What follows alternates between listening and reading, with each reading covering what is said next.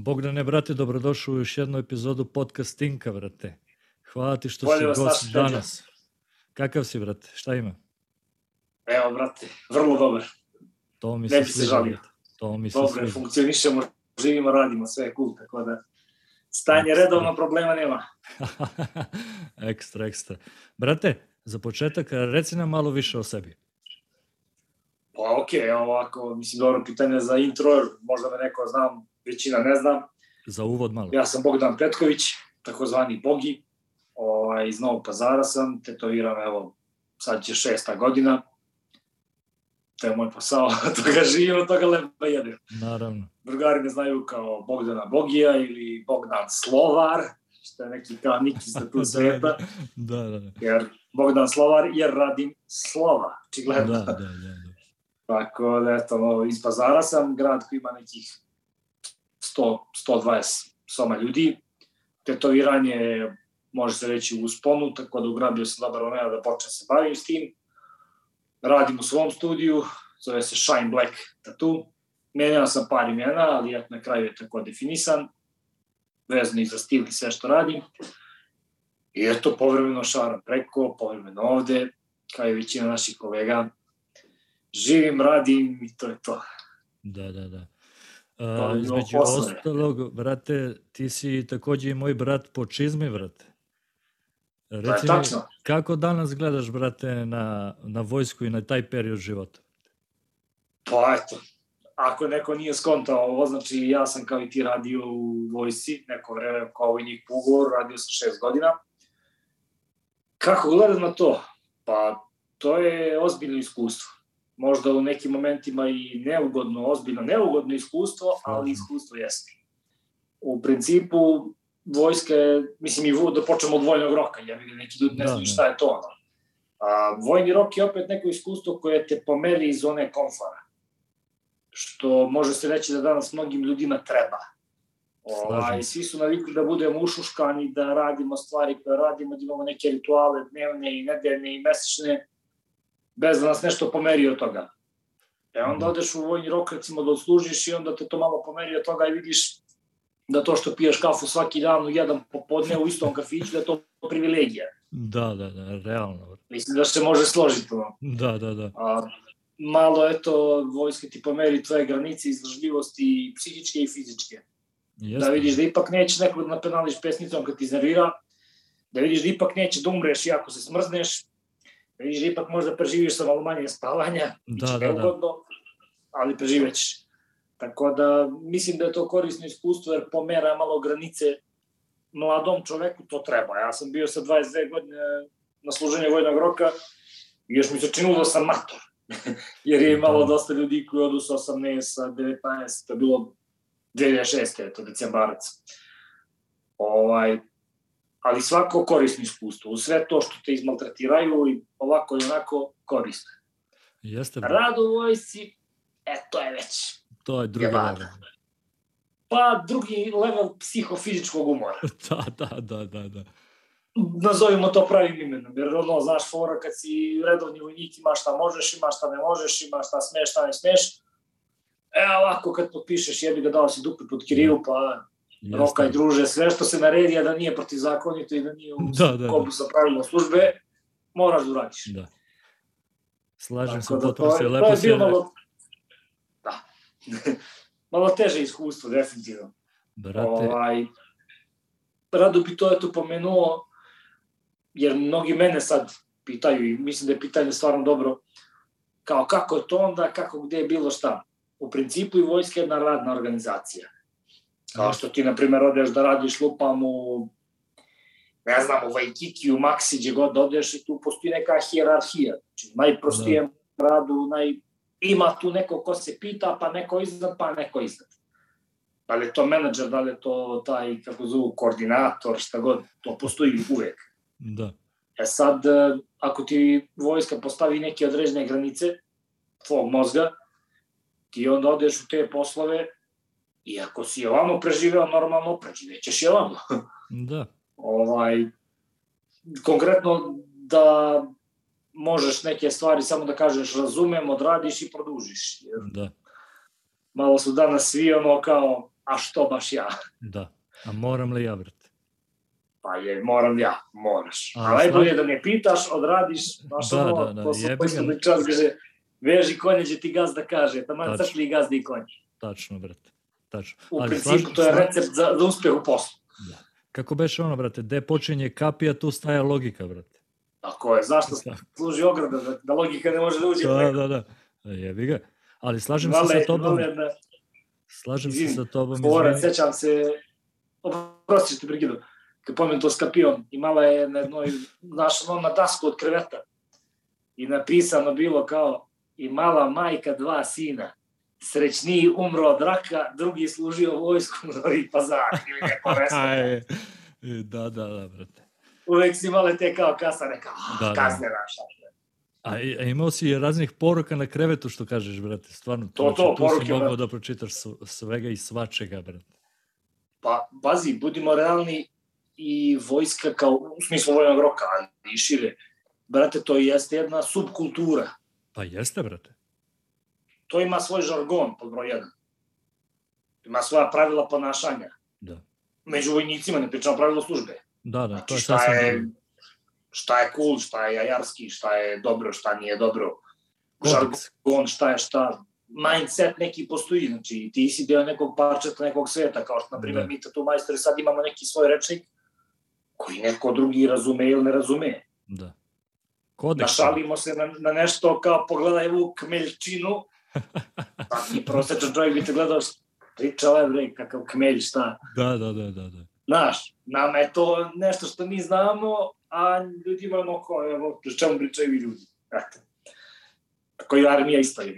Jeste, brate. Ali slažem se s tobom da je pogotovo taj uh, redovni vojni rok, brate, uh, dobro iskustvo, brate. I Ja bih rekao da je korisno. pomerite malo, malo disciplina, brate, budeš disciplinovaniji, znaš. I Pa prosto da, vidiš svoje granice, to je neko Da. moje mišljenje. da i, Neko će biti disciplinovan, neko neće, mislim kad se vrati iz vojske. Neko će i dalje nastaviti da živi po starom, ali makar tih šest meseci ili nekad je bilo godinu, ti vidiš da si sposoban i za neke druge stvari koje možda nis, mislio da nisi. ali redko ko se vrati iz ti kuće, brate. A To redko. tačno. Kako kažu, mršavo deblja, debela smrša, luca, pameti, pametan, totalno poludio. To, to, to. Ali svakako mislim da je pozitivno iskustvo i mislim da bi svaki muškarac, brate, trebao da prođe bar tih šest meseci ili, znaš. Neminovno. Mi, vidiš je, svoj, svoj, da, da. Vidiš si svoj limit, Znam- brate, i sve. To. Ja znam i dosta ljudi koji su, da kažem, postali apsolutno odgovorni u svom životu, pošto ti znaš i bez tog vojnog roka i bez tih zajebancija, ali da je opet u globalu, jel korisno? Jeste. Jeste. Idi, makar malo, vrati se među normalne ljude i nastavi da živiš normalno i to je to, ne mora da budeš kao mi, pa da ideš i dalje u čizme. Još gore, brate. Mislim, Pa pazi, ja, jebi ga. ti šest godina, ja sedam godina, brate. Uh. Malo li je. Šta si radio posle? Brate, krenu tetovirati. Odmah. Pa, brate, možda sam godinu, dve pre toga bio uporedo, znaš, kao hobi u slobodno Da. vreme tetoviranje i onda mi ono, znaš, kao flipnem i kažem, ma, neću više trpim ovo sranje, brate. I mislim da je bilo juna, juna 2015. Uh, prekinem ugovor i s novembra mislim da sam otvorio studio već. Ja sam, pretpostavljam da je to i deo pitanja, kako sam ušao u ovo. Da, da, da. Ima li toga na dnevnom redu, ali evo već kad teče tema. Ovaj, na primjer, ja sam posle vojske radio godinu i skoro godinu i po u fabrici nameštaja Numanović. Znači, ako ste nas spavali na francuskom ležaju Numanović u periodu 2014. na 2015. godinu, 2015. cela, znači, velike su vam šanse da je Bogdan napravio tu fotelju ili trosed ili Freehand. Ležaj. Freehand. Tako je, freehandovao sam tamo s čekićem, što je to. Ovaj, radio sam to bio, u principu posle vojske je bilo samo da nađe bilo kakav posao, šta god, bio sam zapošljavanje, odem ja, brate, nođe god se traži nekvalifikovan radnik, evo papirče.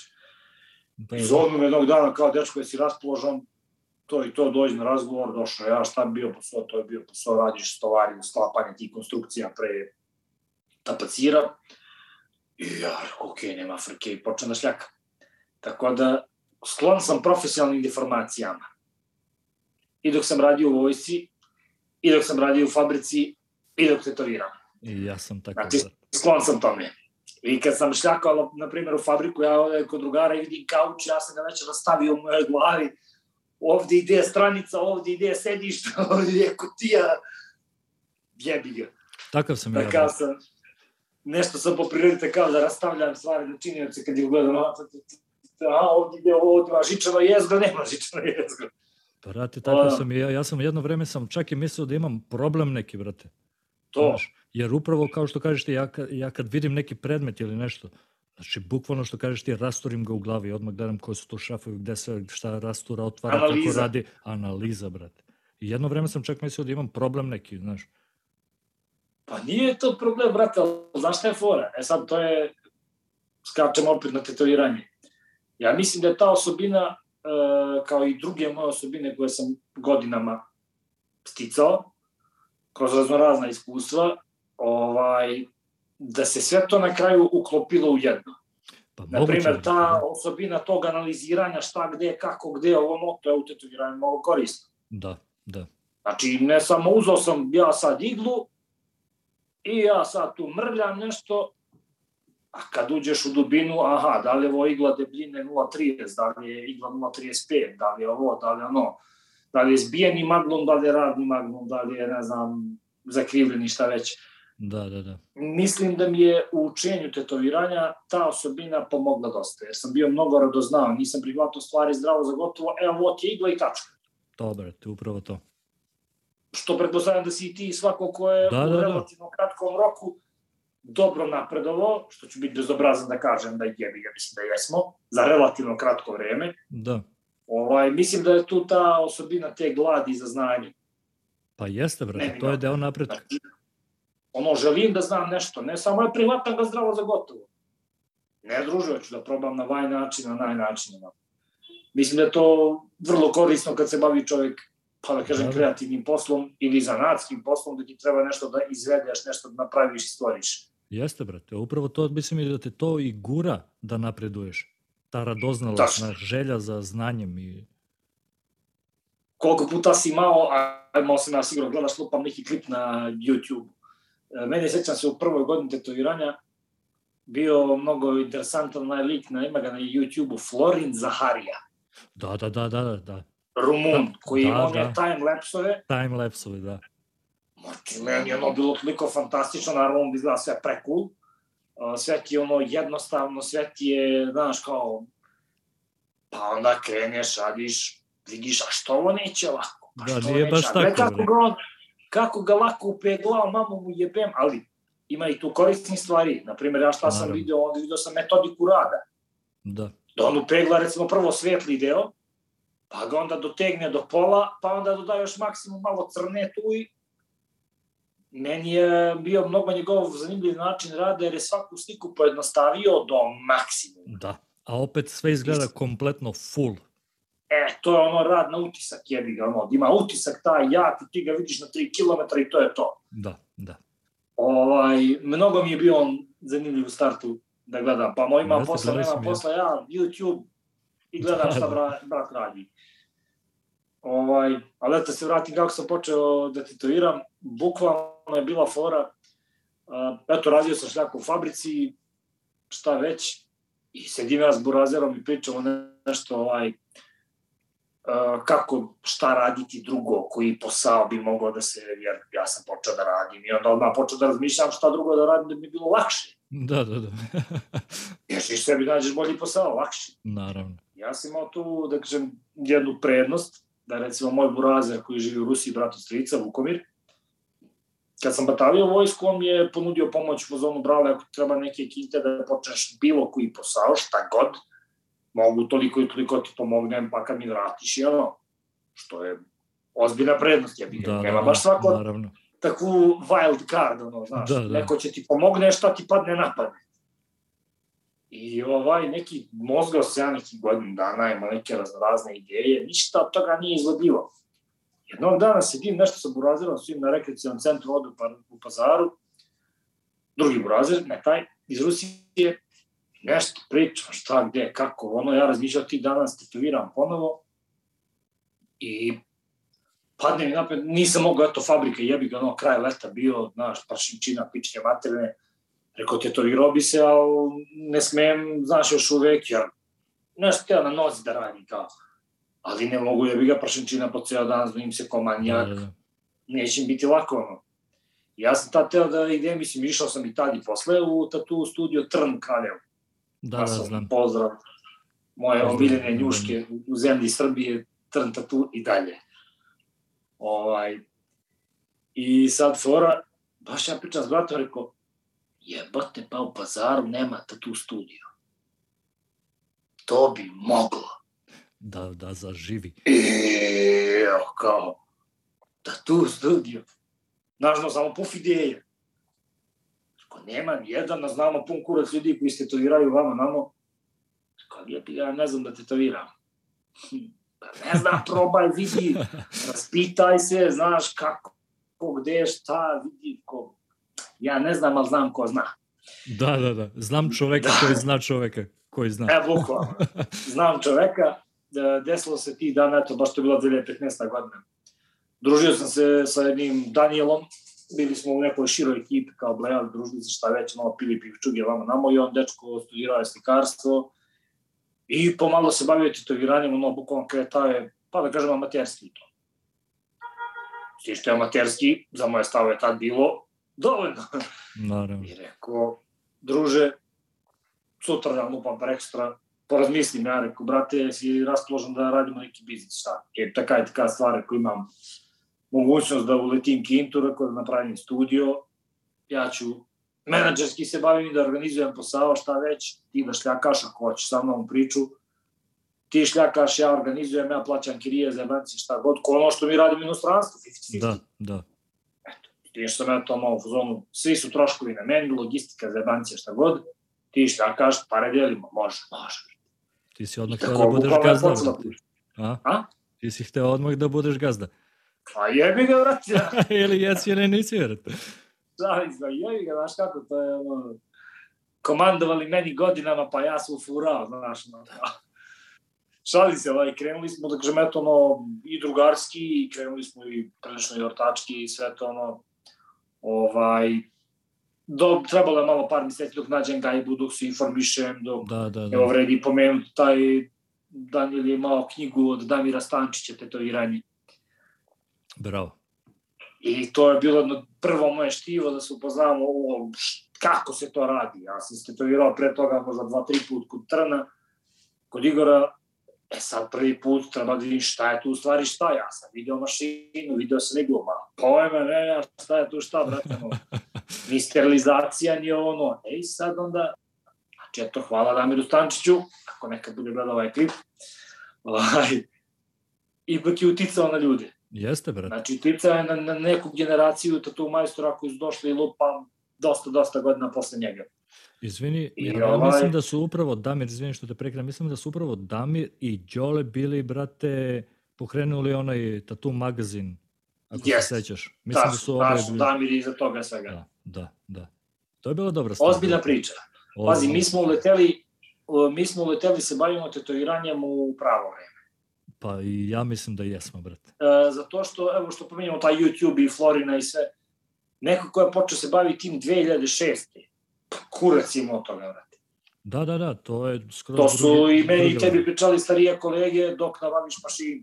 Da. Pa dok nabaviš igle.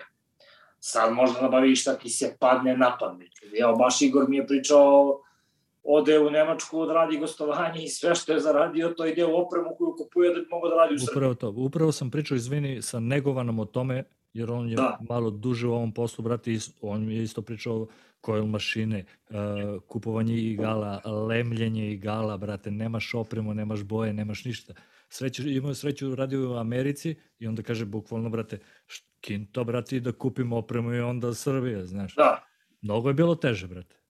Pa pazi, to lemljenje igala, e sad, e, evo, skačemo s teme, ono, uh, ja mislim da to je jako uh, zapostavljen deo ovog zanata. Ja mislim da nas uh, taj komfor koji sad imamo, gde je sve dostupno, da nas uh, Ne tera nas da razmišljamo. Kao, na primjer, evo ti, evo ti Gari, na primjer, stara škola, 40 godina u ovome poslu, prodaje nešto, ne može više da prodaje to, nema više ove materijala, on izmisli neki treći materijal, izmisli sapun, izmisli, ne znam, izmislio sapun. Napravi svoj gel za tetoviranje, napravi da, nešto, da, da. ono, a to je stara škola, evo sad će da brendira svoju belu boju, vama namo. E, to su, brate, e, po meni elementi stare škole koji su vredni jako. Jeste, brate. Kad pomenu lemljenje i gala, znači svi smo, eto ja sam počeo da radim, bile su bar igle, postojali su i kertići već, Da. Ali ja sam tu u kontaktu, bar igla, to je to, nisam razmišljao uopšte o kertićima. Tek kad sam kupio dovoljno stvari da radim, čuo sam da ima i to. Ovaj, možda si video na Instagramu Abusev Tattoo, Rus Ludi. Možda, brate. Poslaću ti link, ovaj, vidjet ćeš ono. Znači, Baja koji pravi, na nekoj si stranici to video sigurno, 112 mag. Jeste, brate, video sam. E, Video lopata. sam ja. To je, to je ovako široko. Da. O. Jebena lopata. Jeste. Ćao, 10 cenata minimum imaš i... Da, da, da, video sam, brate.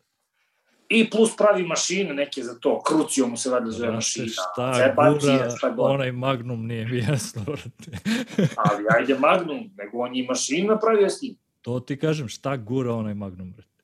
Ili je napravio ne kao trojka liner tipa tri igle, široke, pa da može da radi VIP shade brže. To nisam vidio. Lik pravi, sad vidim već oni izlaze na YouTube reklame Ink Claw, neki kinezi, pičke materne, koji doslovno klepaju njegove fore, te kao trostruka, trojka, liner ili šta ti znam. Naravno. Bukvalno klepaju njegove, ono, jer lik je to doslovno izmislio. E sad, uh, da on nije učio staru školu, lemljenje gala, pičke materine, šta god, kad bi on to napravio? Da, brate. Nikad. Nikad. A u ovom trenutku, mislim, to je ono što je u tatu svetu jako te, teško u 21. veku, da ti budeš game changer. Da. E, on je game changer, brate. Čovjek je napravio lopatu od Magnuma i adekvatnu mašinu koja može to da pogura. Brate, uradit će ti blackout ruke za 3 sata. da. Kad sam vidio ono, brate. A upravo... Brže, manje traume, bolje za rastanje. Da. Samo reći šta. Podsetio si me sad, uh, znam da sam video to, a pričali smo ma, sa Markom Crvom, sad kad je bio zadnji put tu i on kao u fazonu, brate, ajde mi kao podlakticu celu sve u crno. I mu kažem, brate, može, a, može, ali jedino ako nađemo onu mašinu, ja znam da sam mu pokazao bio, jedino ako nađemo onaj Magnum i onu mašinu, brate, pa da, da spičemo da. to, inače da bojimo ovako, nema ništa od toga, brate. Da pogineš, brate. Brate, jebate.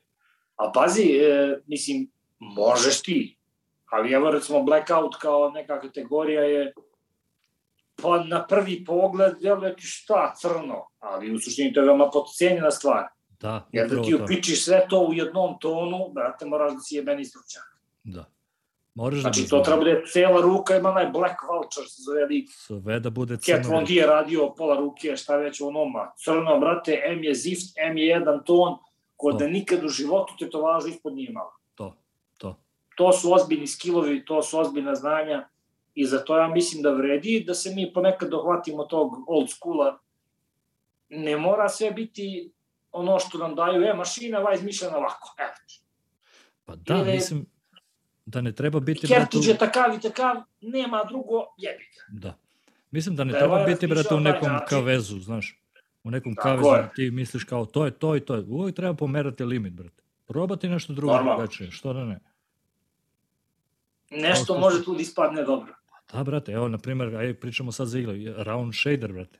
Ti možeš da ga da. koristiš i kao shader za bojanje, možeš da senčaš njime, brate, i možeš da izvučeš dobru konturu. Pogotovo malo da. veći round shader, brate, da. Znači, brate, one old school debele, debele konture da. na, na keca. Znači, nije, znaš, uvek treba pomerati, malo probati, brate. Slažem se s tim. Ovaj, evo sad, back to the records kad sam počeo taj studij, eto, ono, jebi ga, treba i to pomenuti, uh, počeli smo ja i lik taj Daniel da radimo zajedno, čak ja nisam bio u fazonu da radim to od starta kao ono, da ja tetoviram, a druže, ti će da tetoviraš, a ja će bavim ovim. Reklama, da ljudima bude cool kad uđu u to mesto, da ovo, da ono, Pa bukvalno, znači radio sam svoj deo posla i to je to. I onda me on malo pogurao, ajde bre, probaj, šta ti, ajde, probaj, ajde, ajde, ajde. Dobro, ajde, probamo. I prvo, mislim, zvučat ću malo glupo, ali sad kad ja objašnjavam drugima šta da rade, ja vidim da on baš nije meni da objasni šta da radim tačno. I onda kao, kad sam počeo s tim, mislim, ma jebote, ovo neću moći u životu. A kad sam počeo da radim, što bi rekli, bez da slušam savjet, nego čekaj, ajde probam ja ovako. Pusti mašinu, rad. Evo je linija jebote. Da, probaš, Mic po mic. Kad sam skonto kako treba da držim kožu, da razmlačim u smeru linije, a ne kontra ili tako. Da, da, da. Vidiš neke stvari, aha, dobro, dobro, prvo se probalo na svinjske kože, na ne znam, banane, Ja nisam nikad. onda ti odmah na ljudi. Majke me odmah, brate. Dobro, priznajem, eto, taj kolega Daniel, on je meni prvi dao kožu, njega tetovira. I bila je tetovaža live free. Živi slobodno. ovaj, lettering je bio naravno. Brate, Prva tetovaža, vidiš, odredio si sudbinu, brate. očigledno. da, Mada, eto, to mi je jesni, meni od starta je bilo ono kao zanimljivo. Ovaj, eto, ja i Daniel, eto, nismo izdržali u, sura, u saradnji, pa da kažem, duže od pola godine. On je bio malo više umetnik, ja malo više vojnik. Ono, malo više gazda, a? došlo je, došlo tu do razilaženja između, da kažem, umetničke slobode i vojničke discipline. To, to, to, to. Da ne idem previše u detalje šta i kako. Ali eto, moram pomenuti da sam počeo sa njim i da me on pogurao u tom smislu da ja radim. Doduše, kad smo se zarazišli, ja sam umeo da uradim jedno, da, da ti ste itiram slovo, nešto crno, pa ako ima nešto baš kratku senkicu, e, to mogu da uradim. Ozbiljno, bez zezanja. Znači, nisam imao neka znanja, ono, ali eto, moralo je doći do razlaza, drugčijeg smo koncepta, drugčije doktrine bili i jebike. Tako da već od, eto, počeo sam ja prvu tetovažu 2016. u februaru, a eto, već od juna, negde jula, sam radio sam. I to je period koji išao, da kažem, polako. Opet, moralo je ide sporo. Uh, kada ono počneš, pa znaš, imaš hiljadu ideja, hiljadu stvari razmišljaš, da, da, pa da. si gladan da isprobaš to što si video negde, iskapirao si, aha, ovo se radi ovako. Da, da, pa bi odmah da probaš, brate, pa... To je to. Ima svega. Ali sve to išlo svojim tokom. Ništa nije išlo brže nego što je trebalo. Mislim da je sve došlo u pravo vreme, pravo mesto. Pa, brate, mislim da tako i treba. Ono, ne treba ni žurit. Tačno. nekad smo ne, ne samo za posao, nego za mnogo drugih stvari mislim da smo ovako ko ljudi dosta želimo stvari brže nego što bi trebalo. Jeste, jeste, slažem se sa. A često ne kapiramo da mi možda nismo dovoljno zreli za nešto što bi želeli odmah. Da, da. Ili da smo Nekim možda stvarima sposobni. treba vreme. Jeste, brate, moraš da daš vremena nekim stvarima. I da budeš, Ono- mislim, svestan što kažeš ti svoje mogućnosti u tom To je to. periodu ili trenutku. Mogu reći e, da sam prilično dosta i kroz e, ceo taj rad pa i dan danas bio stvarno svestan mogućnosti šta mogu, dokle mogu, šta ne mogu. I na kom nivou mogu da odradim nešto. Naravno. A, u početku, slobodno sam to da kažem, jer je to apsolutna istina, meni su se ljudi smejali. A Bogdan, šta radi neka slova samo, e? E star, a da me sliku jednu ti uradi, ne ume slova, znaš, da baviš se ti nekim, to može svako, čak kad sam čuo jednu, to mi je ono toliko stalo ružno, ono, mislim, neki lokalci tu tetovirali, no, fuzon uzme na crtate hemijskom piči preko i, da kažem, ljudima koji nisu, da, ali kakav, da, da. sa nekim ljudima, ono, nije problem u vrijendu. razumemo se, razumemo se. Šta da biješ na kraju. da, da. Ali onda je to služilo mnogima, recimo, da mene podcenjuju ka, e, gleda, ova, tu nešto radi, kodeš kod toga, crtar mu on tu izvede ono, dobro, druženo. Kao jedan dečko, to sećam se drugarica mi poslala screenshot poruke, kao razgovara, kao će se šara ko mene, šta već to. Da bre, to što on radi, ono zem preslikač, to mogu ja.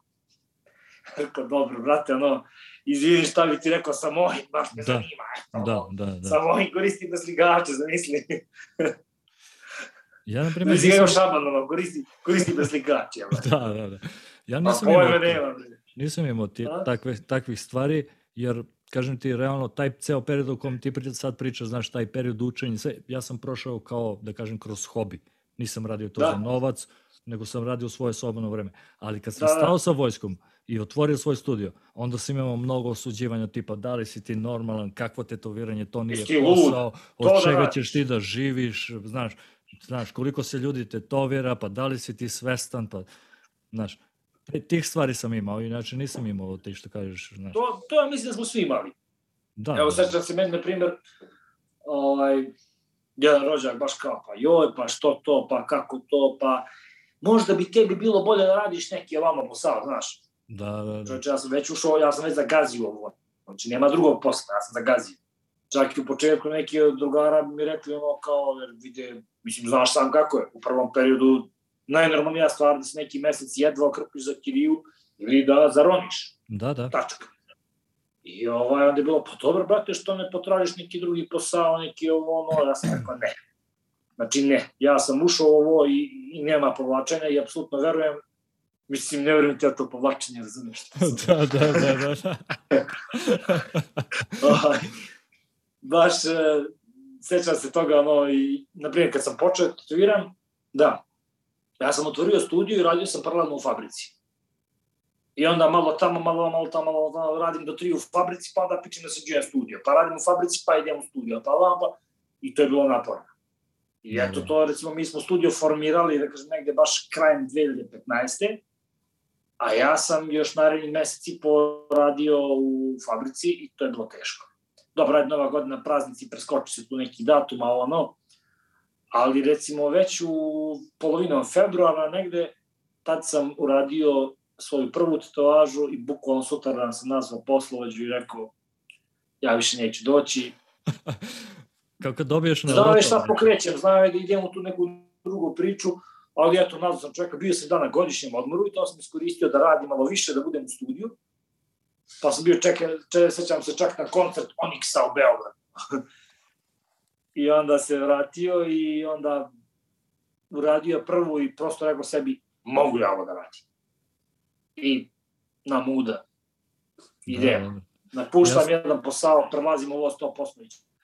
Ja sam isto skoro nikakvu podršku nisam imao, brate, kad sam krenuo da, znaš, da se bavim tetoviranjem, Pa, da kažem profesionalno. Ja moram reći da i jesam imao podrške. Jesam Imao sam, brate, od par ozbiljne, burazara, ozbiljne- ali samo burazara, brate. Svi su bili u fazonu, čak i kapetan mi je rekao kao, gde ćeš ti sutra dan da se lečiš, brate, znaš, i te A fore. gde će da ti, e, a šta će ti kaže kapetan drugo, brate? Pa mislim, znam, znaš, ali ljudi ne znaju. Mislim, ono, jak sam bataljivao, to je bilo pitanje, neću sad da imenujem, a mislim, mogu da imenujem, ali ja to da bit će online, nije lepo. Ali bukvalno me neki starešina viši, ne moj bliži neki, nego neki tamo. Pa šta ćeš ti da radiš drugo? Šta ću da radim? Druže, imam dve ruke, dve noge i malo nešto u glavu. I ne bojim se posla. I to je to. Ali slušaj, šta, šta drugo ti stvar, kažem? na ono, primer, znači? ja sam, na primjer, e, dao otkaz, brate, zbog e, potporučnika koji je bio došao kod nas u bataljon i forsirao me, brate, maksimalno, jer sam u tom periodu bio u komandi i on me maksimalno forsirao zbog toga što, znaš, ja nisam dole u, u četi i sve te stvari. To, to, to. Ja popizdim, brate, dam otkaz i toliko budem ljut na njega, znaš. Da bi kroz par možda meseci došao sa suprugom koja takođe radi u vojsci na tetoviranje i ja ga gledam i kažem mu, brate, hvala ti za ovo, promenio si mi život na bolje, brate. Bukvalno, ne, hvala ti. Realno, zahvalio sam mu se, brate. da nije tebe, ja bi bio stao da se mučim Da, još. ali slušaj, isto sam imao situaciju, brate, i pazi, mislim, ti znaš šta znači komandant bataljona, brate. I se, ja sam, Glava. ja, sam- glava, znači glava, Da bi rekli Ameri, head nigga in charge. amin. Znaš, ja sam sedao sa njim i ja mu kažem, planiram da napustim vojsku, planiram da se bavim tetoviranjem nadalje, ovo ono. I on mi kaže, pa jel misliš ti da možeš da uspeš u tome? Ja mu kažem, pa realno mislim, znaš, ide mi dobro i mislim da mogu. On mi kaže, pali. Znaš, nije bio u fazonu kao, znaš, ovo, ono, sedi kao ostali što su mi govorili, ti si dobar vojnik, ti, znaš, bit ćeš jednog dana podoficir. E, konkretno, Kaže, Eto što rekao, neću imenovati, ali ovaj koji je meni rekao, a šta ćeš ti da radiš, to je bio moj komandant bataljona. Komandant bataljona. Pazi, mislim, nema, Daš. nema, brate, priliku, sad, teško je ljudima objasniti šta znači komandant bataljona, brate. To je, brate, njuška. Znaš, nema svaku priliku da, da, da razgovara sa njim. On mi kaže, pali. Ako misliš da je to to, pali. A to je gospodski, brate, pazi. A jeste. A, meni, evo, rado ću pomenuti, na primer, jedan uh, je bio jako izuzetan čovek, ovaj, ko, koji, kog sam naučio toliko stvari, ne vojne materije, nego, nego životnih stvari, lepih saveta, roditeljskih saveta koje je dao i meni i kolegama i naravno ko će drugi nego zastavnik. da, da, da. Ovaj, evo, rado ću reći zastavnik Safet. Znači, toliko lepih stvari i toliko pametnih stvari sam čuo od njega šta da radim, kako da radim, kako da ne radim.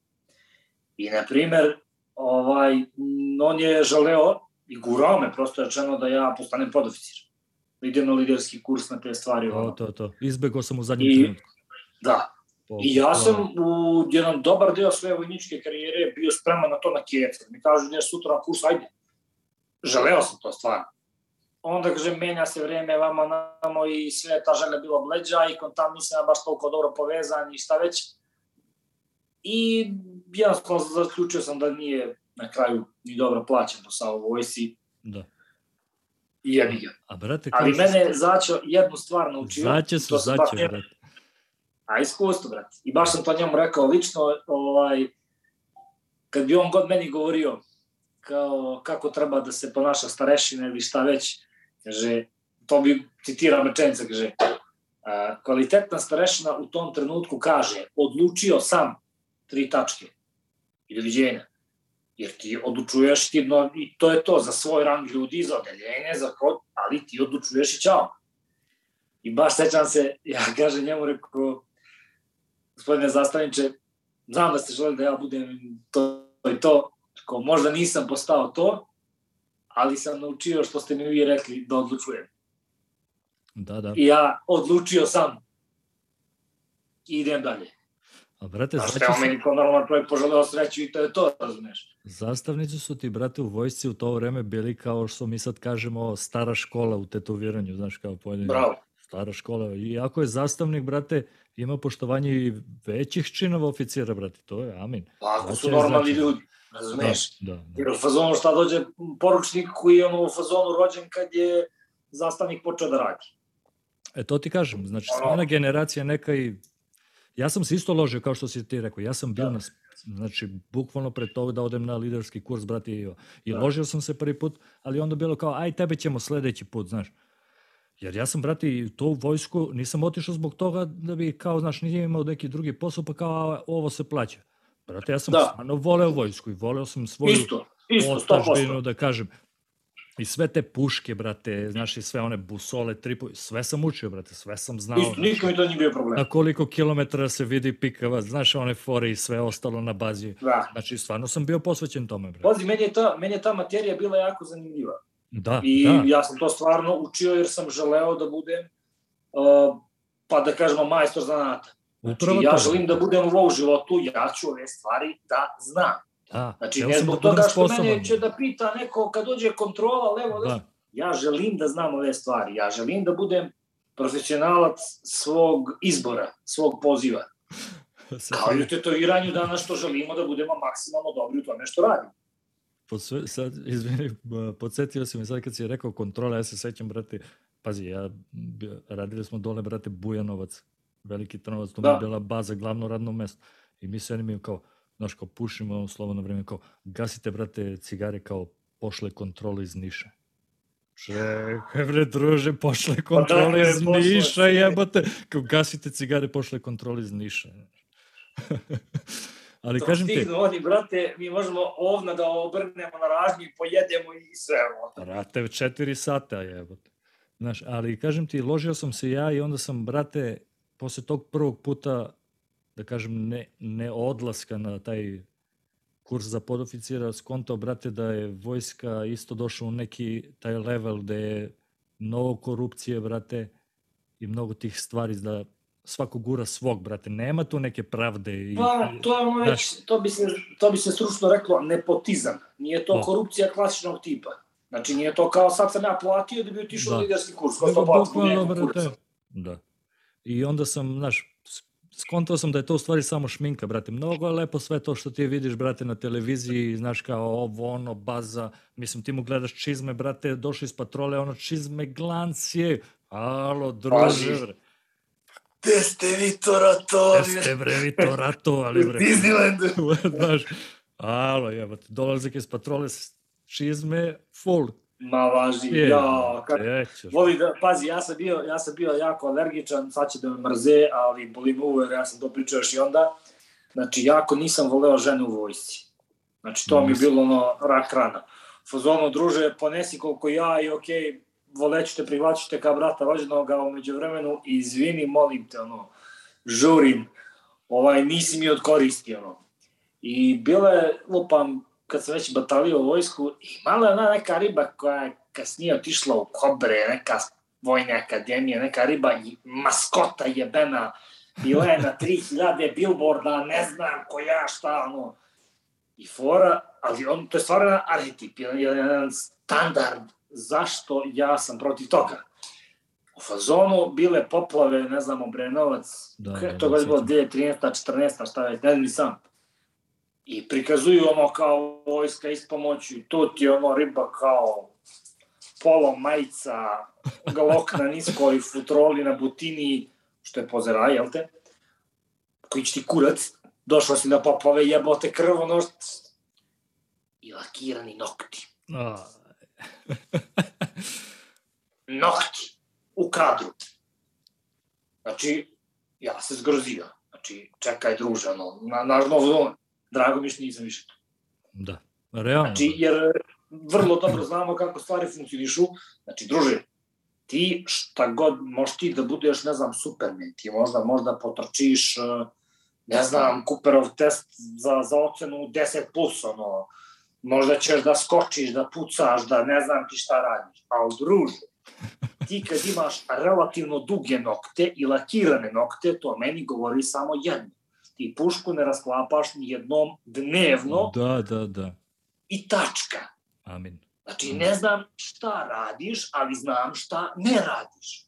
Ne radiš ništa što ima veze sa fizičkim da, radom, da, sa, da. sa rukovanjem oružjem, sa, sa ni... možda ti radiš nešto treće, ali ovo ne radiš sigurno. da, da. A mislim, ljudi to ne znaju. Bacanje hejta mislim da i još me drži, vrate. to ti kažem, vrate, ja sam, pazi, imao sam, evo malo smo na na tu temu i sviđa mi se što pričamo o toj temi, jer realno, brate, uh, nemam uh, toliko kolega koji su napustili službu, a da pričam sa njima da. o tome, znaš. Jer se znam... Gde je Ceci, bre? Ceci je bio ovaj... A da, da, i Ceci. bio logističar. Ja i Ceci smo bili u istoj brigadi, brate. Da, Samo da, da. na različitom radnom mestu. Ali, znaš, da su svi u fazonu u vojsci uvek kao, brate, ma ne mogu više ovo, kao daću otkaz, kao, znaš, samo da vratimo ovo, ovo administrativnu zabranu ili da isplatimo ovo, ili još koja baza, brate. I to se I više, nikad ja to nikad nisam imao. Ja, ja nisam, brate. I to mi, ja i to mi je pomoglo. Nikad nisam imao ni duga, ni ničeg, ni administrativne zabrane, ni ništa. Niti sam ikad govorio u fazonu kao, znaš, e, tad i tad ću da dam otkaz ili za toliko. Nikad, brate, jednostavno mi puklo jedan da. dan i rekao sam, ma ćao, druže. Mada znaš kako, uvijek sam, uvijek sam zamišljao svoj odlazak, jer znaš, ono, to su dani nervoze, dani svega, svega, svega, ono, kad te baš je bud zdrav mozak ko, ko mladog majmuna. I nekako kad bi me, znaš, u sredinom tog svog uh, radnog veka, vojnog, padlo mi na pamet u zonu, uh, iz, kako, činilo mi se sve da ću jednog dana, samo ono što bi rekli, izađem iz stroja, odložim oružje, izađem da. na kapiju bez reči. Da, da, da, da. Realno. Ono, bez reči, bez, bez da pričam ništa. Samo ću sve da se skinem, da odem i da se vratim posle dva dana i da kažem, molim vas, dajte mi sad da potpišem, da ja više nisam ovde. Da. Nije bilo tako, ali negde u mojoj glavi, obzirom na nerviranje, je stalo neko sam cenio da će to možda biti na taj način. Ali ipak nije. Ipak sam ovaj, bio dovoljno da. disciplinovan Pazi, ja sam zamišljao svoj odlazak dramatično, znaš. I, znaš kao. A to je ono, ja bih ispostavio se drugačije, ali mi je opet bilo drago, brate. Jer kažem ti, tad kad sam, popizdao sam bio načisto, brate. I bio me zvao moj major i kao u fazonu, aj uzmi 3-4 slobodna dana, kao smiri se malo, sve ćemo da, se, da. iskuliraj se, sve ćemo da sredimo, nije problem to. I ja mu kažem ovako, brate, evo ovim rečima. Nazovem ga imenom, aj sad neću da imenujem i kažem mu, ja ne mogu da dođem u ponedljak da radim, a da znam da sam ovim tebe ucenio da ti mene tamo, znaš, kao skineš nekog spiska ili ovo i da ja Bravo, sad dođem bravo. u ponedeljak i kao sve super, ništa nije bilo i kao Tačno. ajde, znaš. Ja mu kažem, ja to ne mogu. I kažem, slobodno, znači, prekinite mi ugovor, dajte mi godišnji odmor, ja idem, poštujem to koliko imam Ili mi piši neopravdano odsustvo, šta god. i idem, brate. I tako je bilo, jest, znači, Da. Pazi, e, znaš kako, sad kad smo već sve to prošli, onda mi, što rekao, radna organizacija. Naprimer, nekad smo imali komandira odeljenja, komandira voda, komandira Da, četves, da, da. imamo menadžera, imamo kolegu, imamo, znaš, opet tu postoji neka organizacija radna, šta gde ko radi i kako upravlja poslom. hijerarhija. E onda-. Da. I onda uvek ima neko ko ume da adekvatno podijeli zadatke, i ima neko ko ne ume. Pa da, brate. Znači, to se ispostavi, na primjer, eto, što rekao, radio sam u fabrici, lik koji je meni bio poslovođa, fenomenal lik, Zenda jedan. ovaj, čovek je, bre, bastaga taj posao. Znači, on njemu pristaje da komanduje, znači, jer zna šta da radi i kada da radi. Ti ćeš Bogdane ovo, ti ćeš kolega ovo, ti ćeš, znači svakom da adekvatan posao, ako se ne ljuti, ne ljutio se s razlogom, nikad ne drvi kurac na nas, ono kao, a šta mi tu radiš, bez razloga, ne. Svako radi svoj deo posla, sve je u redu. Samo Kad zaseremo, on nam kaže, momci, zasrali ste ovo njih ko treba. Ovo treba se zakoje ova konstrukcija iznova. Ovo je sranje, ovo je dobro. Adekvatan, realan čovek, a u smislu posla kad treba da bude i dovoljno neemotivan. I to treba. Treba, brate, Znači, definitivno. mora čovek ponekad da preseče neke stvari koje se možda nekom neće svidjeti. Ali mora. Koliko smo puta videli, na primjer, preko da ono imaš nekog menadžera koji je laf, evo, sad ćemo pomenuo Marius. Sećaš se, kod njega smo Marius, radili da. zajedno bili. Kako se zvaše mesto, brate? Kako se zvaše mesto? Bruksal. Je bio da Bruksal. Ne, ne, Brul. je bio... Brul. Brul, Bruksal je magistrirao. U Brulu smo bili. Brul, brate, ja i ti i Teja smo bili tamo na otvaranju studija. Bravo. Bravo, Jeste. da. Brul se je sećaš- bio kad smo radili kod Mariusa u Deep Da, Pink. On je dojajali. Ali, brate, jel se Marius je sećaš kad smo, kad smo došli i sad, ja mislim da si ti već bio tamo. Da li smo bili ja i Da. Teja tamo? Bukvalno ti dolaziš, sećam se, i mi se pozdravljamo ono po srpski kao, Da. on mi kaže kao, what the fuck is this, bro? Je, i- Što se ova dvojica ljube tri puta. Da, ja mu kažem kao, to je, brate, kao naš srpski pozdrav, neki kad se ne vidimo duže, duže no, znaš, vreme. To, to, I kao, to. wow, cool, bro. znaš. Ali između ostalog, pazi, brate, tad smo radili, ako pamtiš onog Juana, Uan, lik iz South E, Korea. bio je onaj, onaj je bio čmar, brate. Brate, on je sad tu u Štokholmu, drži studio, čuli smo se par puta me zvao na pići, kao, brate, možeš da dođeš, si. da, da, da radimo zajedno u studiju i sve te fore. Evo, ako se sećaš, evo, za to sam i njega pomenuo, brate. Na primer, Marius je bio fenomenalan menadžer tada, Jeste, ne brate. znam gde je sad šta radi. Da, da, drži Čovjek studio. koji ima... nor- Otvorio je on studio Parabolika, mislim da se zove. Da, da, da, da, ali nisam ga dugo vidio, ne, ne, to nisam ništa. Ja nisam, nisam u kontaktu s njim duže. Ovaj, ali onda mi je ostao jako lepo sećanje jer je umeo da razgovara s ljudima, jer je umeo sve kako treba da raspodeli poslove i to, ali eto, na primer, on je bio lik koji će da preseče vojnički, čak i tom Yun Yuan, kako god, taj južnokoreanac, Da, koji u fazonu dolazi na termin nespreman 300%. Da li se sad uzbilio, ne znam, ono.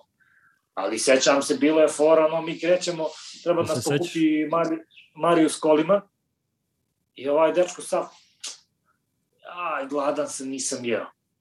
Pa dobro, Bio- druže, znaš, e, to je, vo, e, ti fali vojska. Pa druže, znaš da u 12.00 odlazi čovjek nas pokupi, idemo direkt u studio, u jedan počinjemo sa radom, walking day, danas se pegla brdo tetovaža i čao. Da, da, da. A On sećam je se... sam nezadovoljan. Ti si- nešto. Da, da, da, kmekav. Ti si bio s njim u studiju, sećam se da si mi rekao kao, brate, lik je skroz u fazonu kao ja sam zvezdi ovo. Ja se sećam momenta, brate, tražim onu foliju, znaš kao nema foliju, Ah. vodim, i vodim kod njega kao, e, mogu da uzmem, znaš, kao, e, to je moja folija. Da, da, da. Gledam, brate, nema jedna druga folija, mislim, tvoja folija, brate, mislim, došao si isto kada i ja, brate, daj mi, znaš, to je moja folija, e, to su moje makaze, brate, kao, znaš. Debilna stvar, jebote, ono. Čovječe, tu smo da završimo posodi, ispeglamo ovaj dan u punom gasu, dozemo lepu kintu i to je to. Da. Ali Dobar je bio taj dan. baš mi je, a, odličan majstor. Ma Sad je ne, vratno i bolji. Znači, meni je onda bio on vrlo, vrlo dobar majstor, baš. Jeste, bio je okej. Mislim, ne, Da. ne želim da pričam o tome, ali kažem ti, bio je to do jaja dan. Svi, bila je ekstra i atmosfera i sve. E se je sećaš, pozdravio si se okej. sa Teom i udario si, brate, sredstvo za dezinfekciju na, na zidu i upalo ti je litar alkohola u ranac. Jel se sećaš toga? Joj, zaboravio sam, brate. da, da, udario si, Da, Jeste samo da- što još se kači ona dezinfekcija na, Da. na ruke. Ono. da, i litar alkohola ti upeo u ranac. Ja se sećam, ti dižeš ovako ranac, ono, alkohol. Eto, vidiš, toga se ne bi setio. Ali stvarno je bilo, brate, i, i mogu da ti kažem da je Nemačka, brate, na neki način, bar po mom mišljenju, brate, da su u Evropi, brate, da kažem, glavni po pitanju te, tetoviranja i tatu industrije, brate. Oni vode nekako u tome. Pa, se, to je industrija bio je prvi dan-. Prvi dan otvaranja studija, brate, studio je bio full, pun. Svi majstori koji smo bili smo imali posao. Ja se sećam, mene su stavili da radim na nekoj IKEA nameštaju, brate, tamo u ćošku, samo da bi moglo što više. Bio red ispred To, studija, to. brate. To, to je malo... Znači, znaju svoj Tamo posao, je brate. to... Tamo ste to važe, prosto rečeno, roba široke potrošnje. Da. I ako postoji zemlja u kojoj svaki majstor može da nađe svoje mesto, to je bukvalno ovaj, Nemačka. Da. Jer mnogo ljudi tamo radi, mnogo različitih nivoa ima. Pa evo, bukvalno da pomenemo i to, mi smo se upoznali 2018. u jun, juli je bio mesec Da. negde. Jeste, baš u- sećam se da je leto bilo. Koji mesec sad, ne znam tačno, Jeste. ali... Meni je to prvi put da sam otišao u inostranstvo, eto ja sam počeo tetovirati u 2016. A eto 2018. na leto, eto Stefan Spasović me je povezao, pozdrav, Pozdrav za on me povezao bio za ovaj, da tamo odem u Residence, to je u Jakuza Inc. onda, Da. ovaj, u Vislo, to je Heidelberg i Vislo je pored. Ovaj, I to je fenomenalno iskustvo. Jeste. Nije bilo lako, prvi put, definitivno. I sećam se, što bi ja sad svakom istom mladom majstoru preporučio, brate, treba otići. Jeste. Evo, konkretno. Slažem se. Sad ja i ti pričamo u trenutku kad smo solidno razvijeni majstori, još uvek se razvijamo, ali već možemo da odradimo, pa malte ne 80% stvari koje nama dođu u studiju, neko i kaže, druže, ja želim ovo, 80% stvari možemo da radimo bez problema. Pazi, mi, pa možda To znači- nismo... Napredovali smo Da, ozbiljno. ali Od pazi, onoga kako smo počeli. Znači, Naravno. tu smo neđe već stabilni, stabilni u svom poslu, može se reći. Da. Ali eto, sve, e, naše poznanstvo je počelo u Nemačkoj, ne u Srbiji, da, nego otišli smo tamo, sreli se i počeli se družimo. To je to. to sam upravo i teo da ti kažem, dosta sam naših kolega upoznao tamo koji su, brate, do jaja majstori. Stvarno, Pa evo na mom prvom gostovanju tu uvek rado pomenem. Znači ja sam pošao sa Stefanom, on me je povezao, konektovao, i on te u isto vreme, mi smo se to počeli da družimo ranije, on je dolazio kod mene u pazar, bio ovamo namo, bili smo u dobrom kontaktu jako. Ovaj, na prvom gostovanju upoznao sam tebe, Cecija, Filipa Božina, Marka Crva. da. I da li je bilo prvo, možda negdje krajem kad sam ja odlazio i Nemanja Pešić. I sa sam- svima vama sam sad ono, u Ma, super drugarstvu i svi su mi jako dragi ljudi. Da. Eto, no, ja, na primjer... Sa Crvom možda najviše i sa Filipom Božinom, eto, jer se srećemo najviše, ono. Ali eto, sve te njuške su mi apsolutno drage, svi vi, ono, Naravno, kolege. brate, ti kontakti su... A to je, eto, jedan moj, jedno moje putovanje, a upoznao sam još i još i još kolega. Ja se sećam isto, Preko baš kao što kažeš, viš i tvoje i moje prvo isto gostovanje u Nemačkoj. Uh, mene je Ceci preporučio, brate, ja sam na osnovu Cecija, znaš, otišao tamo, upoznao sam tebe, brate, upoznao sam Filipa Božina, Stefana i isto Marka Crva. A se sećam situacije prvog dana kad smo se upoznali, ja se sećam onaj vozač nas vozi, zaboravio sam ime, Jorg, Jorg. Jorn, znaš, Jorg, on nas vozi i prolazimo, brate, pored one gajbe Kristijana da ste bili vi. Ja gledam, brate, da. onaj Audi usran. Kažem, brate... Torta. Da. Šta se desilo, brate, ovdje? Ti mi kažeš kao, brate, bio crvo rođendan. Ja gledam auto. Ne, nije crvo, bio meni rođendan. E, bio li crvo? A crv je bacio tortu. Znam da je nešto tako bilo. Audi usran, crv, auto, torta, brate, i dalje sedi, znaš, nema greške, brate. Znaš, kao... Bukvalno, brate. Audi A3 parkiran ispred, ispod ovo bila neka da, mala terasica. Da, da, da. I mi smo se, eto, i to, evo, to je lepa stvar. Znači, ja sam 34. godinu napunio bukvalno tu u Heidelbergu. Bleja, Stefan, Filip Božin, Marko Crv, ja, pijemo za jebancija, pije se Jack i šta već, jevi ga standardi. Naravno. ne, dobro piće, da sam počeo bukvalno da, da, da pijem malo više to od šestine. Bože. Joj. Znam da smo ono za rođenskao kupili dovoljno pića i Filip Božin i Crv su otišli čak da mi kupe tortu. I znam da su mi kupili jednu Lego igračkicu, to je neki kao Darth Vader na nekom, onaj Lego Darth Vader na onom njegovom brodu, šta već avionu, pojem ne, ja mi je tamo sastavljeno u drugoj sobi ta igračkica i dalje držim tu, ono. I to su, evo, to, i to je lepa stvar sa gostovanjem. Znači, je, evo, ako ovo slušaju mlađe kolege, bukvalno, evo, koliko mi uspomena, pomenu smo iz samo jedne godine, ono, da. A ja sam, pazi... Iz prvog gostovanja toliko zanimljivih da. stvari i zbog toga vredi otići. Da, ne u fazonu kao idem da šinjem kintu, šta već dobro, idemo mi tamo preko da malo bolje zaradili. Naravno, Ali da. kad bi ti, to će da dođe. Da, pa Ali kad vreme. odeš prvi, da, kad sve odeš prvi da put, vreme. glavna stvar i prvi i drugi 50. put, glavna stvar su poznanstva. Jeste. Jer širiš krug prijatelja, širiš krug, širiš sve vidike. Naravno. Znači, neke stvari ćeš da vidiš, čuješ, od, od svakog kolege ćeš nešto da, da, da, da pokupiš makar gram što će ti bude korist. E, to sam rekao, aj sad da se ne poljam milion, u svakoj, ja mislim, epizodi sam rekao, brati, i od lošeg i od dobrog artista uvek naučiš nešto, brate. Prosto. Ako treba ili ne. Uvek možeš. od lošeg će da vidiš šta da ne radiš. Znaš, ali slažem se sa tom, ta gostovanja su, brate, odlična stvar. Prvo što kažeš ti, taj sećanja, zezanje, konekcije sa ljudima, druga stvar je, brate, e, i gostovanja na neki način e, pomažu napretku rada. Znaš? Kako da ne? O, to, pa evo, stvar, brate. iskreno, ja da nisam, evo, e, baš, eto, prvo gostovanje. I vidim, na primjer, Filip Božin je imao tad na nozi započeo da mu radi Pepić. Sećam se da sam uh, radio, brate. Radio uh, imao je i Nikolu, ne to što sam ja radio, uh, to ga da. evo bukvalno uramljeno ovde kod mene. A, znam, sećam se da si mu radio. Jeste, kružni letri. I on je radio tebi, sećam se. Jeste, on je... Izvini, izvini što te prekidamo, sećam se. Ja imam e. sliku kako svi gledamo, kao, znaš, kao analiziramo. Jeste, znaš, kao, i ti, i ti slikaš ja ovako, mi, da, da, da, mi analiziramo kao kakav je zaraz.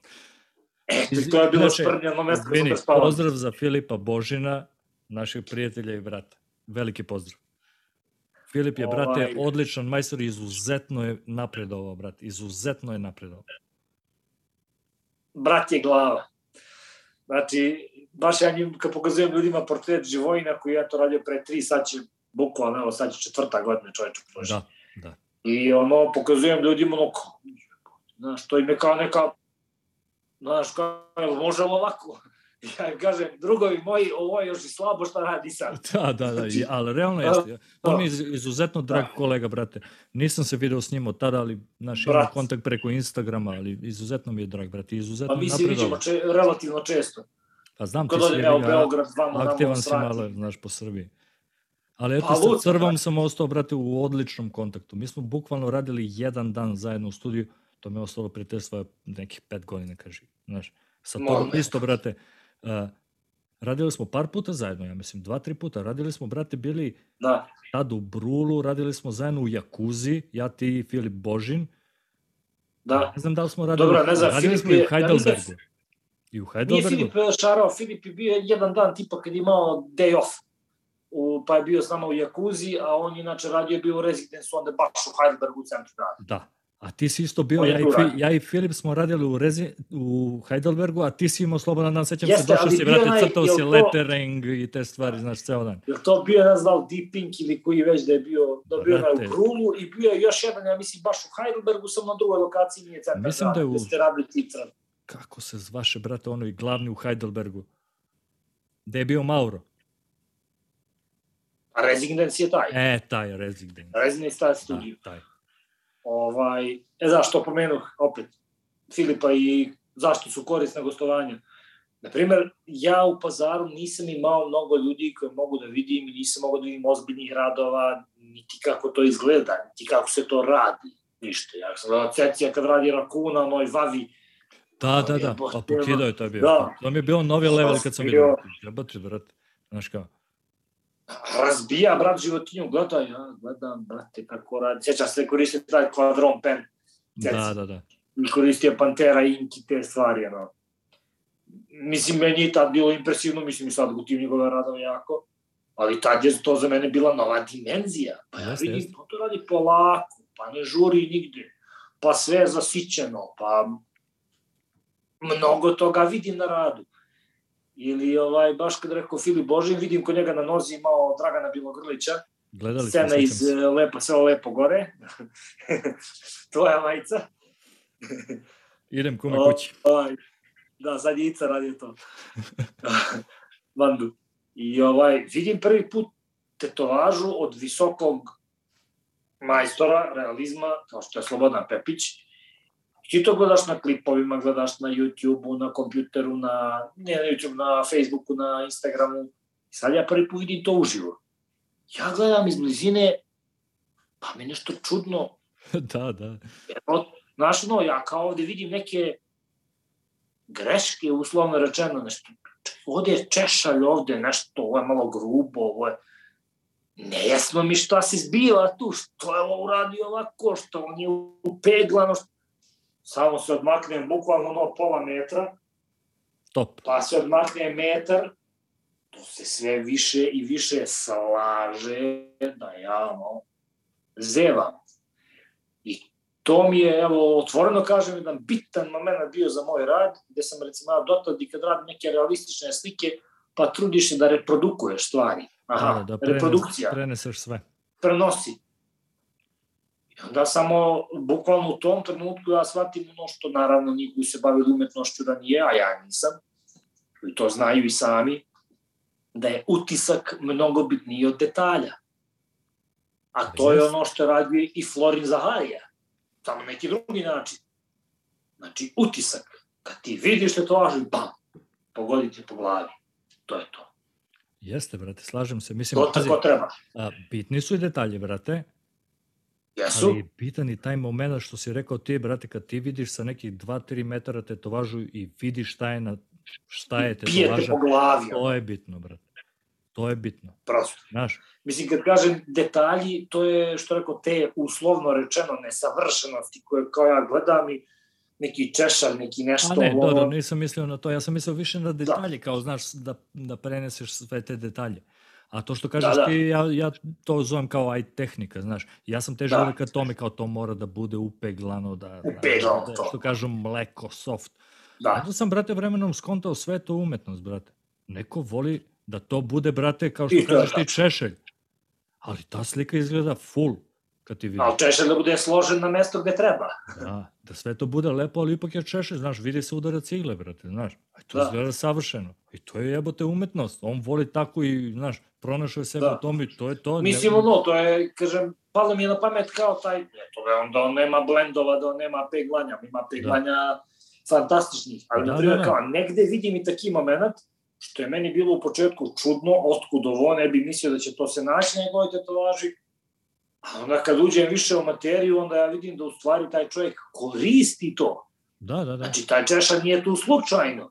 Da. I onda je meni to koristilo kasnije u nekim tetovažama, na primjer, ono, kad počneš se baviš kao tim nekim realizmom da ga proučavaš, ja koja nisam tu nešto bitan ni jak u tome, ovaj, ti opet gledaš da to bude smuta, to bude peglanje, da ono, možemo da ti preklopi u glavi pa vidiš čekaj sine, nije sve u peglanju. Da, Ima da. negdje da je tekstura.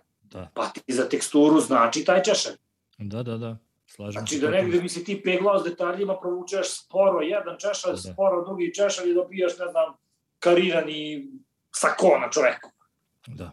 Ja sam to prvi put, brate, video u onom uh, Ink Master, ili kako se zvaše već ono, Ink Master. Uh, kad, brate, lik uzme... Da se takmiče ljudi. Da, da, da. to je Ink Ink, Master. je se tako zvao? Ink, Ink Master. Da Stink Master. Mada ne volim nešto tu emisiju.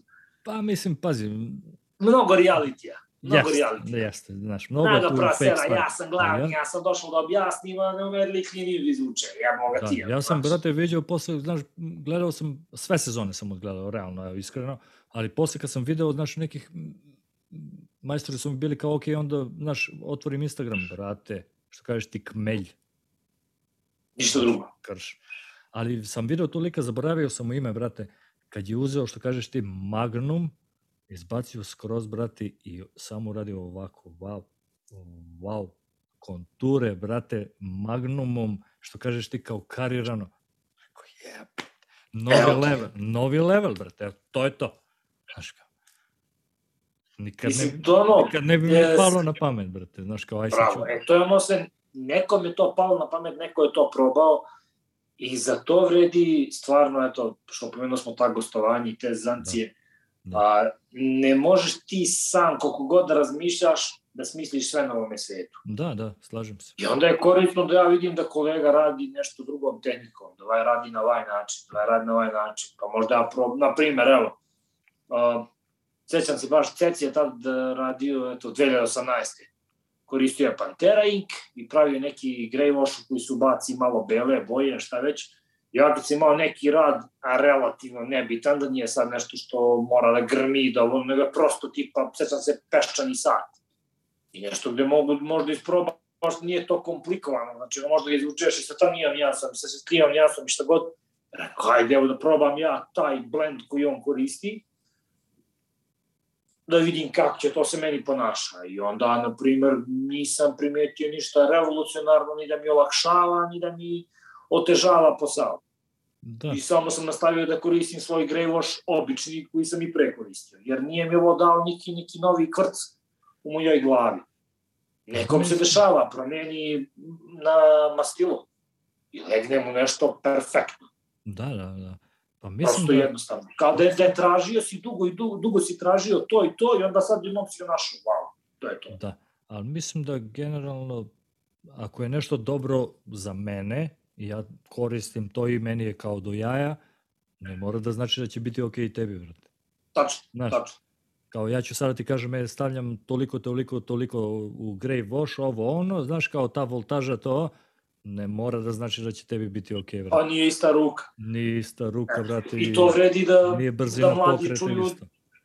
ovaj, treba se malo tu osloniti na osjećaj. Jeste, E brate. sad, ti kad počinješ sa radom, gledam, sećam se svih dana, ono, pa ti bi sve to da uklopiš po nekom PS-u. Da, da, da, tako Ovo se treba. radi, treba da bude ovolika voltaža na ovoj mašini. Dobro, na drugoj mašini imaš druga. Ali kao, ova je voltaž za liniju, ova je voltaž za senku. Ovo je senka 50%, ovo je senka od 10%. Znaš, takve stvari neke uklapaš i držiš se šarpono. Mora to strogo da bude tako. A kad stekneš malo iskustva, pa ti se i malo ruka olabavi, onda vidiš da ti sa 50% dobijaš senku od 10. Da. Znači, ono, sa nežnijim pokretom. Meni, na primer, evo, uh, draga mi njuška, totalno dule. Bravo, Hitler. brate. Znaš, sam izvini što ja te prekidam, on mi je pao, on mi je pao na pamet. Evo sad kad si to, ovu rečenicu koju si rekao, Dule mi je bio u glavi sad, brate. Bravo. E, kad sam prvi put išao sa šara kod njega, radio mi je tetovao mašinicu ovde, na grudima. I prvi put se upo- upoznajemo zdravo, zdravo, taka stvar, ono, mislim, ja ga pratim doslovno, pa ne znam, za prvog dana tetoviranja, sam njega pratio recimo na Facebooku i to njegove radove koji su mi uvek bili fantazija. Da, I da. da, danas su mi ja mnogo volim njegov stil, eto, sad me opet šarao bio skoro, no, Bog čuva budale, mi radi United. Sećam Ovaj, se. Čuli smo Dule. Brtina prve klase. Ali eto, že mi pre nego što sam poznavao čoveka lično, njegovi radovi su mi uvijek bili tako impresivni, na primer što su clean, Da, linija je linija, precizni i čisti. crna boja je crna boja, senka je senka. kolori su kolori, tu nema zajebancije, razumeš? Znači, nema kompromisa koliko je to clean, koliko to čist, jasan rad. Ovaj, I recimo, kad je mene tetovirao, ja sam toliko se oduševio, ono, prvi put vidim, to je tako prosta konfiguracija za rad. Da, da, da. E, to je stara škola što mi Jest, svi zaboravljamo sad, pazi, pun kurac igala, ovoga, onoga, ne znam, Garivoša, šta god. I onda dođem kod njega i on je za celu moju tetovažu koristio tipa trigle. Jedna je bila petica liner, koja je na nekim mestima duplirana u devetku, bukvalno. Znači, perfektno duplirana, ono, gleda mi nije mi dobro, no, kako? ovaj, s tim što kad ja tetovirao, ja sam već imao iskustva i sve to, ono, Znači, petica, liner, jedan je bio čim se manji neki magnum za neke crne detalje, sitnije, jedan magnum tipa 13 neki širi i samo crn talent i doviđenja. da. Brate, ja mislim da sam Nikakva komplikacija, nema Ništa daj mi ovo za ovo, daj mi ono. triče piće Pa, bele, brate. dve sive, tri brown i te fore. Brate, to sam upravo, pričao sam s nekim, ne znam s kim u podcast, brate, kad je dole, prvi put kad sam imao priliku da radim s njim, brate.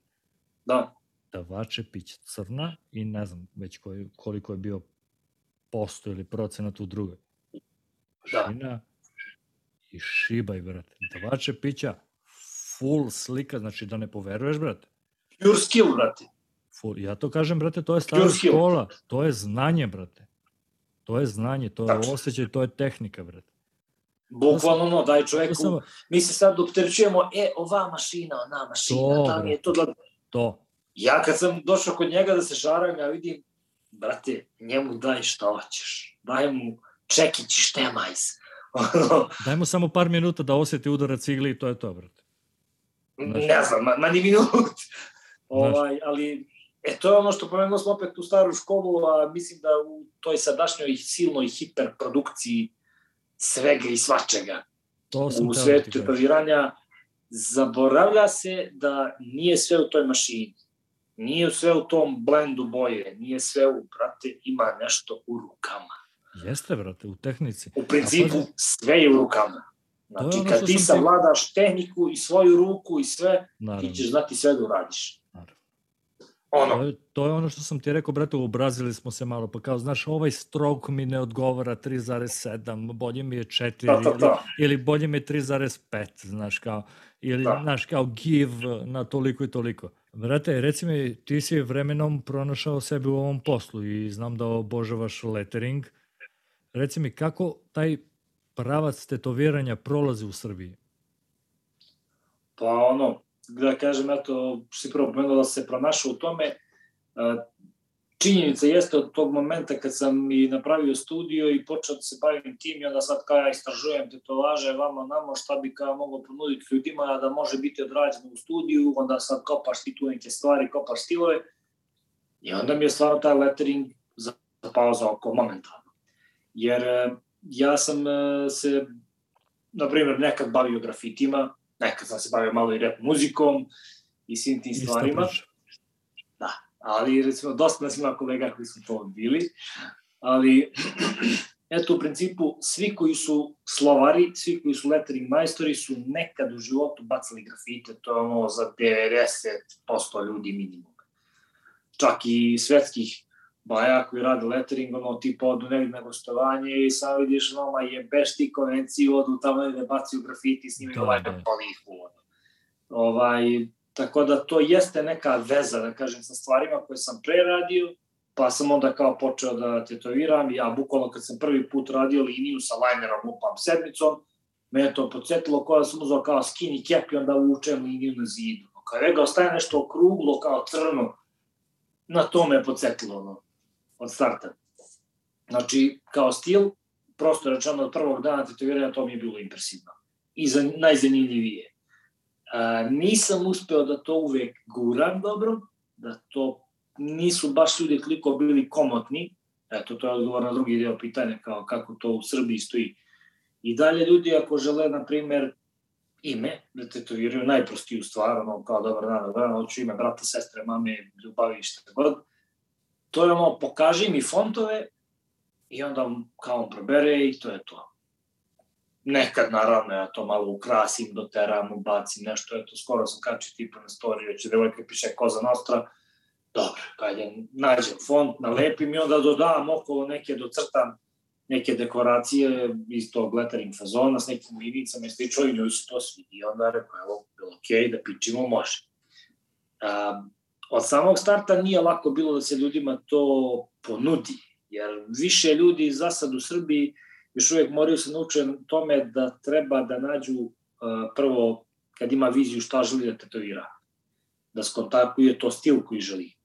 Pa da li želiš realizam, da li želiš uh, neotraditional, da, da, da. tradicional, klasični uh, ili na kraju lettering, na osnovu stila koji želiš da imaš na sebi. Znači, svako ima tu kategoriju, hoću ružu, pa svako ima u glavi da li hoće da mu ta ruža bude da. s debelom linijom ili da mu bude realistična ili da mu bude kolor ili to je ono što vredi, na primjer, da se klijenti edukuju, naravno oni koji se malo više tetoviraju, oni to iskapiraju, te razlike šta je šta. Ali pre tetoviranja sad je sve dostupno, treba se edukovati, pa onda vidiš, e, meni ovaj stil želi i onda nađeš majstora za taj stil. A tetoviranje imena i tih stvari mi to eto srstamo kao lokinovi, da, kao male dropin. stvari i uglavnom je to neka rutinska stvar koja se radi u studijima, ali samim tim što je rutinska, onda tu ima malo unikatnosti. E, to je već nešto gde po meni bi bila primena, ozbiljna primena letteringa kao stila, tog custom letteringa, kako bi ga stranci nazvali, da, na primjer, ja težim tome, da jednog dana tetoviram ovde samo na svoj način, čak i te stvari. Hoćeš ime, nema problema, dobit ćeš od mene tri kategorije, na primjer, da li je tvrdo, da li je nežno, da li je ukrasno, čilica, latinica, evo, izvoli, to je to. Nema fontova, nema ničeg. Da, da, free To je ono čemu ja težim. To bih ja voleo, ovaj, da tako bude. Sad, ovaj, stigla mi je poruka pa malo skrenula pažnju. Ovaj, voleo bih da tako bude jednog dana, a umeđu vremenu ja moram da radim, da tetoviram dovoljno i dovoljno i dovoljno ljudi na taj način. Nije da nema, ima, nađe se povremeno ljudi da daju tu slobodu. Naprimer, kad sam bio u Heilbronu prošle godine, ili sad već pretpošle, ne znam, gde su je dečko želeo na podlaknici da piše Believe, Eto, to može i snađe na mom Instagramu. I bila je doslovno fora da me ja kažem, ok, mogu ti nađem font bez problema ili šta da. Da li mi dozvoljavaš, ako ne žuriš, to je bilo tipa negde pet popodne i nisi imao posle nikoga tvirao. Ako ne žuriš nigde, daj mi jedno pola sata da ti nacrtam markerima na koži, čisto da vidiš kako to teče, šta već, kako bi bio oblik toga što ti ja nudim. Jer opet ono ide kroz žute linije, crvene linije, plave, da, da. i onda pitiše. Ovaj, I dečko vide, prvo on vidi celinu kako mu se to uklapa na ruci, sasvim okej. Okay. E kad on vidi tu celinu, onda mu posle nije toliko, jer to ono što smo pričali, utisak. Kad to njega kupi, kako se to uklapa na telo, da. kako to teče, onda mu posle nije toliko presudno da ću ja to da uradim u tanjoj liniji, debljoj liniji, jednostavno kupio ga je taj utisak. Kako će to izgledati, kako to teče na njegovo telo, kako to stoji na njegovoj podlaktici, da je to dobro usmereno, da je ispraćeno da ovde bude malo šire, ovde malo uže i slično, u skladu sa telom. I naravno čovjek je verovao da to mogu da odradim i da je slobodo dobro. Apsolutno rezultatom. E, to je, da kažemo, neki stvarno sistem kako bi to trebalo. Znači, da ti sprovedeš čoveka u kroz taj ovaj proces, da on vidi kako to može biti. Ovo je što ćeš dobiti oblikom, veličinom, šta god. A to da li će linija da bude tanja, deblja, vama nama, samo ti mene pusti duže. Naravno, sloboda, brate.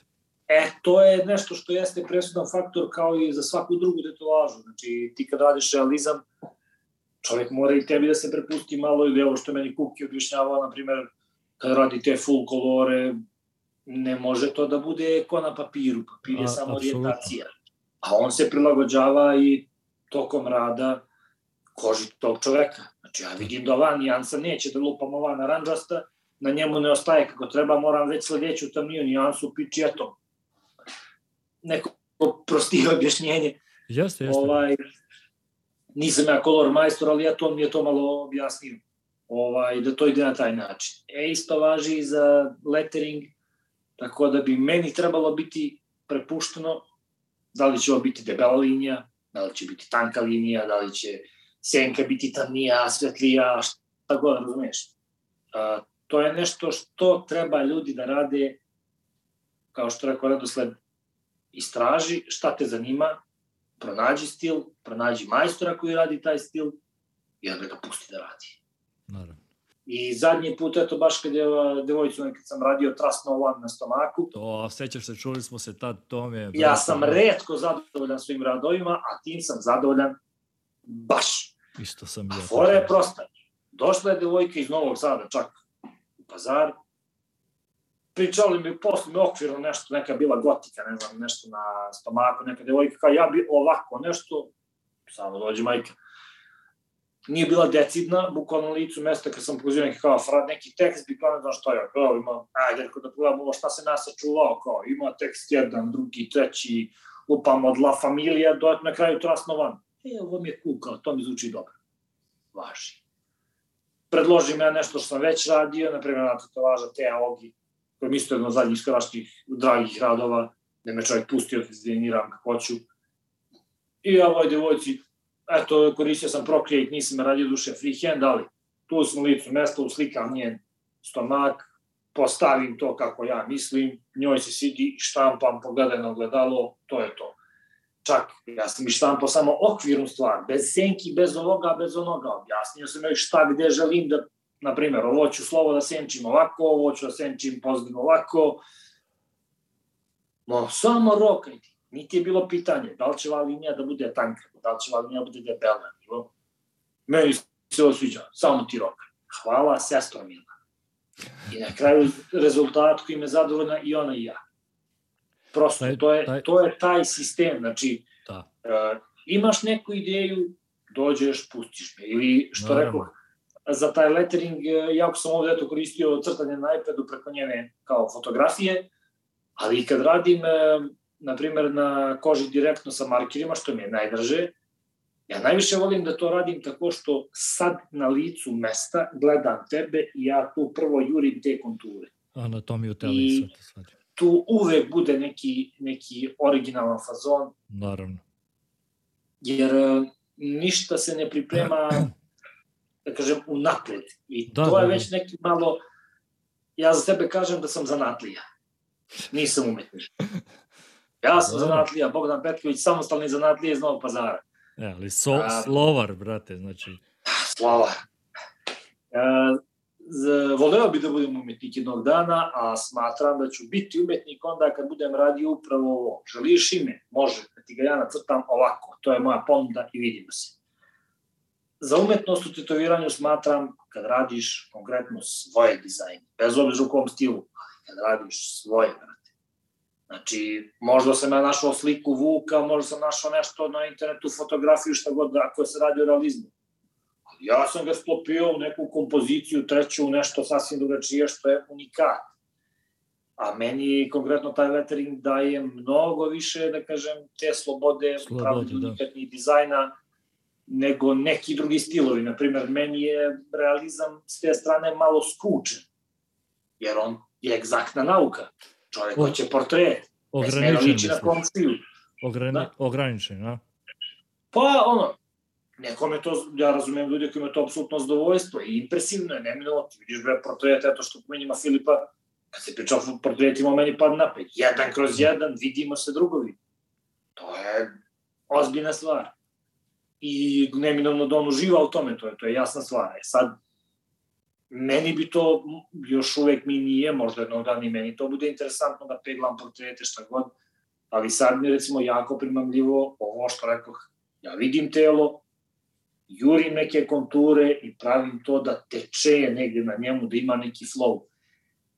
To je nešto što mi je mnogo zanimljivo i voleo bih jednog dana da radim samo to. ja izuzetno volim lettering. Izuzetno, jer, jer ranije sam se pre svega ovoga bavio malo dizajnom, radio sam i na televiziji, u montaži, Photoshop i reklame, aj sad da ne, da ne davim posteri, baneri da. i sve te stvari. I izuzetno mi je dobra, gotivna ta kaligrafija, znaš, i sve te stvari. I pratim između ostalog dosta stranica koje su, koje se bave samo letteringom, znači izbacuju samo tetovaže da. lettering. I, brate, ja sam navikao na to da kad listam, naš, bude mi realizam, ali mi budi lettering koji mi je do jaja. Znači, I onda sam, da, da. kad si rekao taj rad, na, mi smo se i čuli, ja sam ti odmah pustio poruku kad sam video taj rad da. na, ja listam, na listam, brate, da, na stomaku i onda vidim, evo te, uf, kako je dobar lettering, gledam, Bogdan, brate.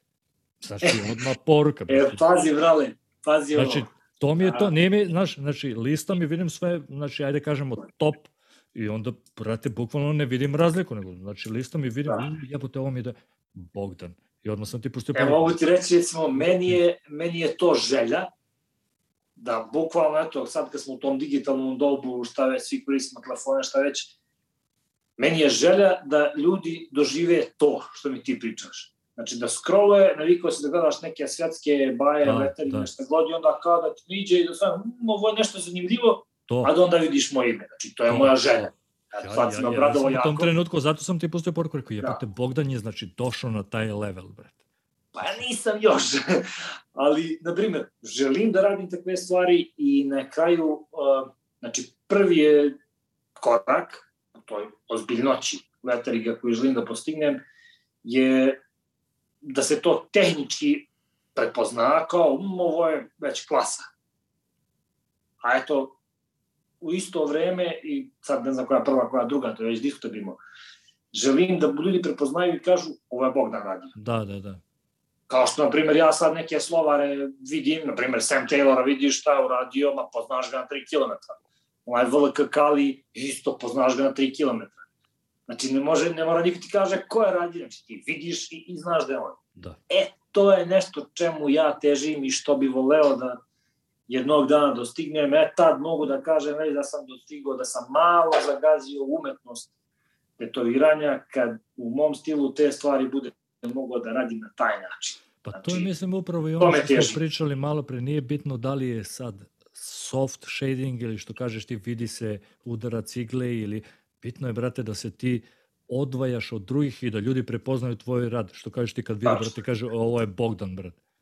Znaš, jer da. obe, pazi, klijenti, mislim da klijenti ne znaju tu razliku sa da li je soft ili se vidi udara cigle ili ovo. To, znaš kako, a, mogu ti reći, e, neće oni tehnički da se zamlačuju, ali posle izvesnog vremena gledanja tetovaža, čak i klijentela prosečno iskusna prepoznaje radove ljudi. Misliš da klijenti umeju da prepoznaju dobro tetovažu? Da, Znači, dolazi do toga, na primer, e, prvo u lokalu mora da se odvoji.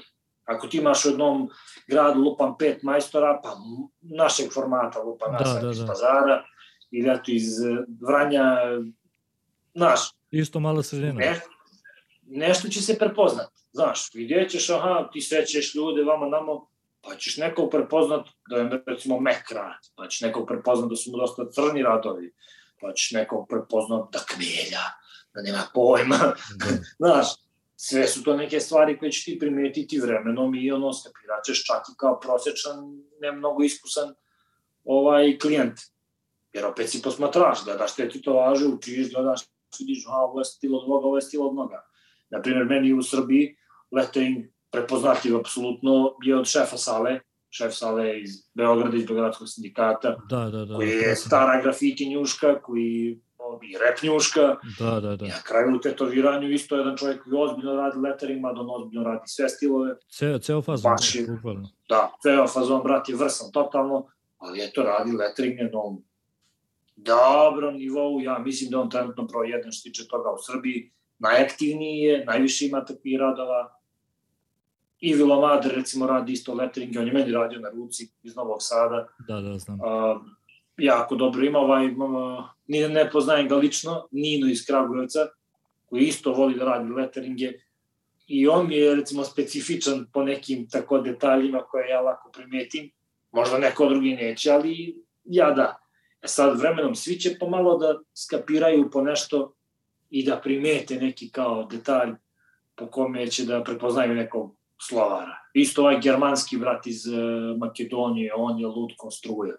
Znači, on isto radi sve stilove, a radi i lettering u jednom širokom, širokom dijapazonu i prljavi lettering i clean lettering i sve. Tako da to su, svaki od njih ima neki svoj potpis, neki, neki pečat, neki da. detaljčić. Da. da. Ja se trudim da recimo moj, de, moj potpis bude recimo taj dobar flow linija, flow tih slova, da oni izgledaju jako lepo napakovano. To je nešto čemu ja težim, što meni daje da bude meni oko ugodno.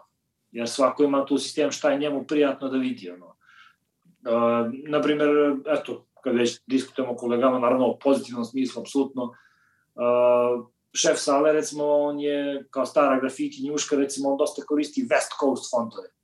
Znači da to ide na najmalo prljaviji fazon, da, malo da, West da. Coast, na malo izlomljenija slova i slično. I Lavadre, recimo kod njega sam primetio, radi češće recimo pisnu latinicu nego neku gotiku, eto da kažemo, no. A, dok ovaj Nino što ga pominjem iz Kragovica, on voli onako clean, fine linije, sa recimo senkicama, sa nekim blagim dodacima okolo i to mu daje neki, neki lični pečat. Znaš, pa svi pa da, mi tu imamo nešto što... Jeste, ono. Neki bi da kažem možda prljavi lettering sa onim izlomljenim slovima i slično, uslovno rečeno bi bio kao najlakši za rad, ali takođe je u tome malo teže i da postane da budeš specifičan. Naprimer, uzmeš gotik slova i skrzaš i malo vamo namo, to je relativno najlakše. Kao da si uzeo font sa interneta i malo ga samo... Ali je teško da, da budeš prepoznatljiv. Teško je da ga napraviš da on bude baš, baš autentik. Da, u... To je korisno kad radiš prste, recimo, pa ono, gotika iskrzana, namerno iskrzaš da bi kad propadne tetovaža pola na prstima, da, da to i dalje se vidi, ono, a slova su okej, okay, sve cool. Ovaj, ja volim oštre linije, volim te kao eto, studiju što mi zove Shine Black. Znači, volim da. da je oštro, volim da je zasićeno, volim da bije u oči, ono, da kažem, da sija crna. To je neki moj trip. Ali mislim, pazi, bez preterivanja, realno tebi legne sve, brate. Ja znam, ti si mi radio i logo za studio, brate, prv, u prvi u, u Vranju. Radio si mi i dizajn tetovaže, brate, dole za nogu. I opet ćemo da treba još na čekanju onaj dizajn. Mislim da, znaš, nemaš ti problem, brate. Kad ti klijent kaže, brate, e, želeo bih ovo ovako i onako, ti i dati slobodu, ti šibaš, brate. A š, između ostalog, brate, ja, ja znam, pošto, aj, kao re, rekli smo, dugo se pratimo, ja znam da ti nemaš problem isto i, brate, što se tiče Maori i, i sve tih, ti crtaš sve. E, brate, vidiš, dobro što si pomenuo Maori, jer, recimo, ja Maori ne bih radio, kao, ne bih radio, da nisam došao u situaciju da recimo mi menadžer kaže Nemačkoj treba čoveku nešto da se dopuni, aj ti to uradi freehand, ljudi, ja radim freehand, radi Maori.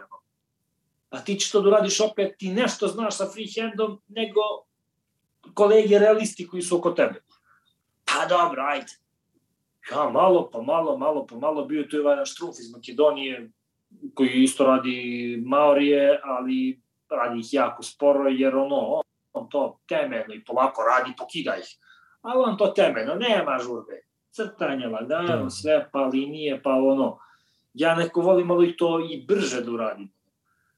Ne previše, naravno. Ali i tu sam napravio svoj neki recept kako postižem, na primjer, da napravim rukav čoveku ili to.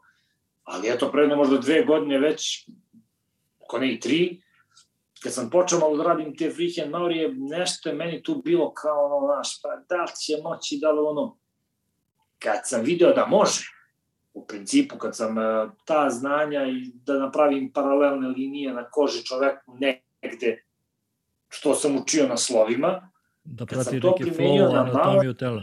Da, kad sam primenio to na Maore, onda mi je to postalo tako zanimljivo da recimo sad je meni kad treba da radi Maurija neko, u, super. Da, da, ja znam. Je za 90% majstora kad, pakao. Da, kad sam video kod tebe na Instagramu, rekao, ja, bote, kako Bogdan, znači, aj, aj prvo što ga ne smara da radi Maori. Drugo, kako ga ne smara da sedne i crta Maori, jebot.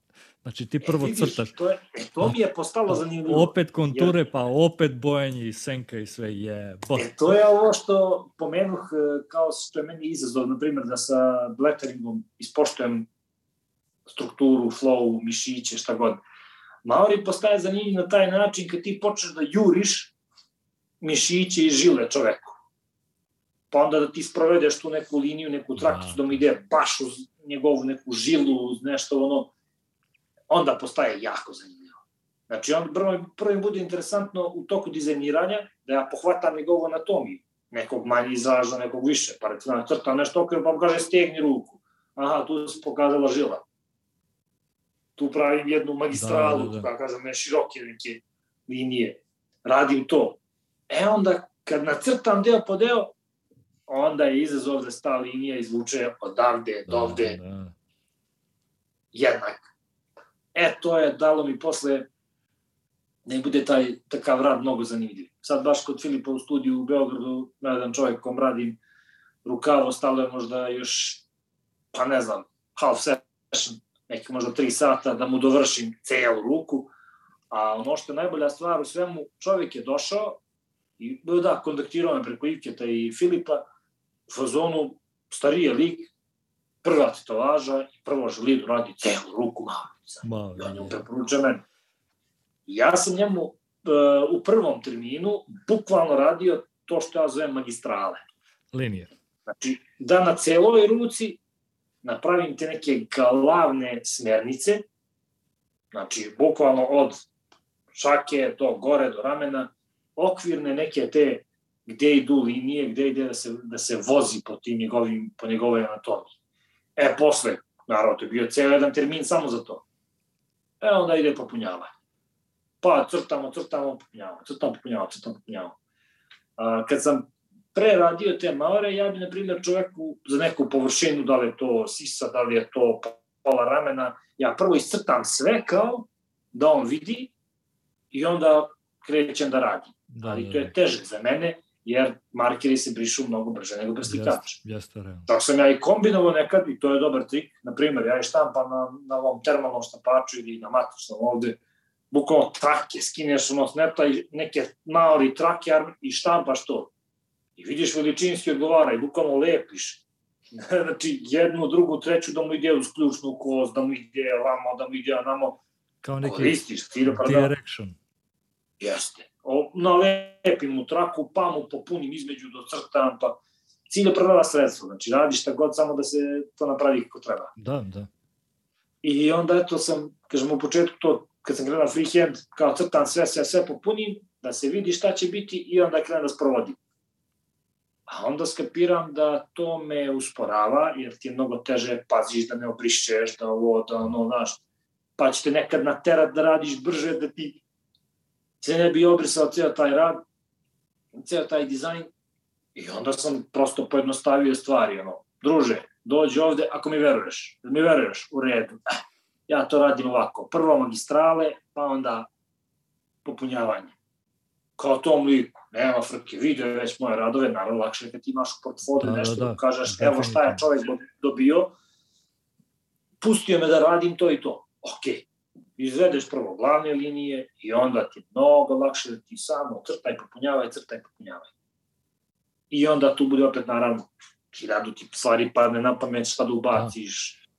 Da. Ali ja sam se divio osnova... tome, Kad sam te video šta radiš, Prvo, pazi, da, realno, prvo što ti je padne na pamet, ajde, brate, mislim što gubiš mnogo vremena u, u, i kad radiš, kad probaš, mislim, mislim da definitivno nije da ne možeš samo preslikačem da uradiš ceo rukav Maori definitivno. Pa nema trika. Nema. Teorija nema, prosto. Ali kad znači, probaš, znaš, da neke da osnovne da... elementa, pa da, do, znači prvo na to gubiš izuzetno možeš mnogo da vremena. Možeš da kao, ali bukvalno to nije to. Jer, nije to.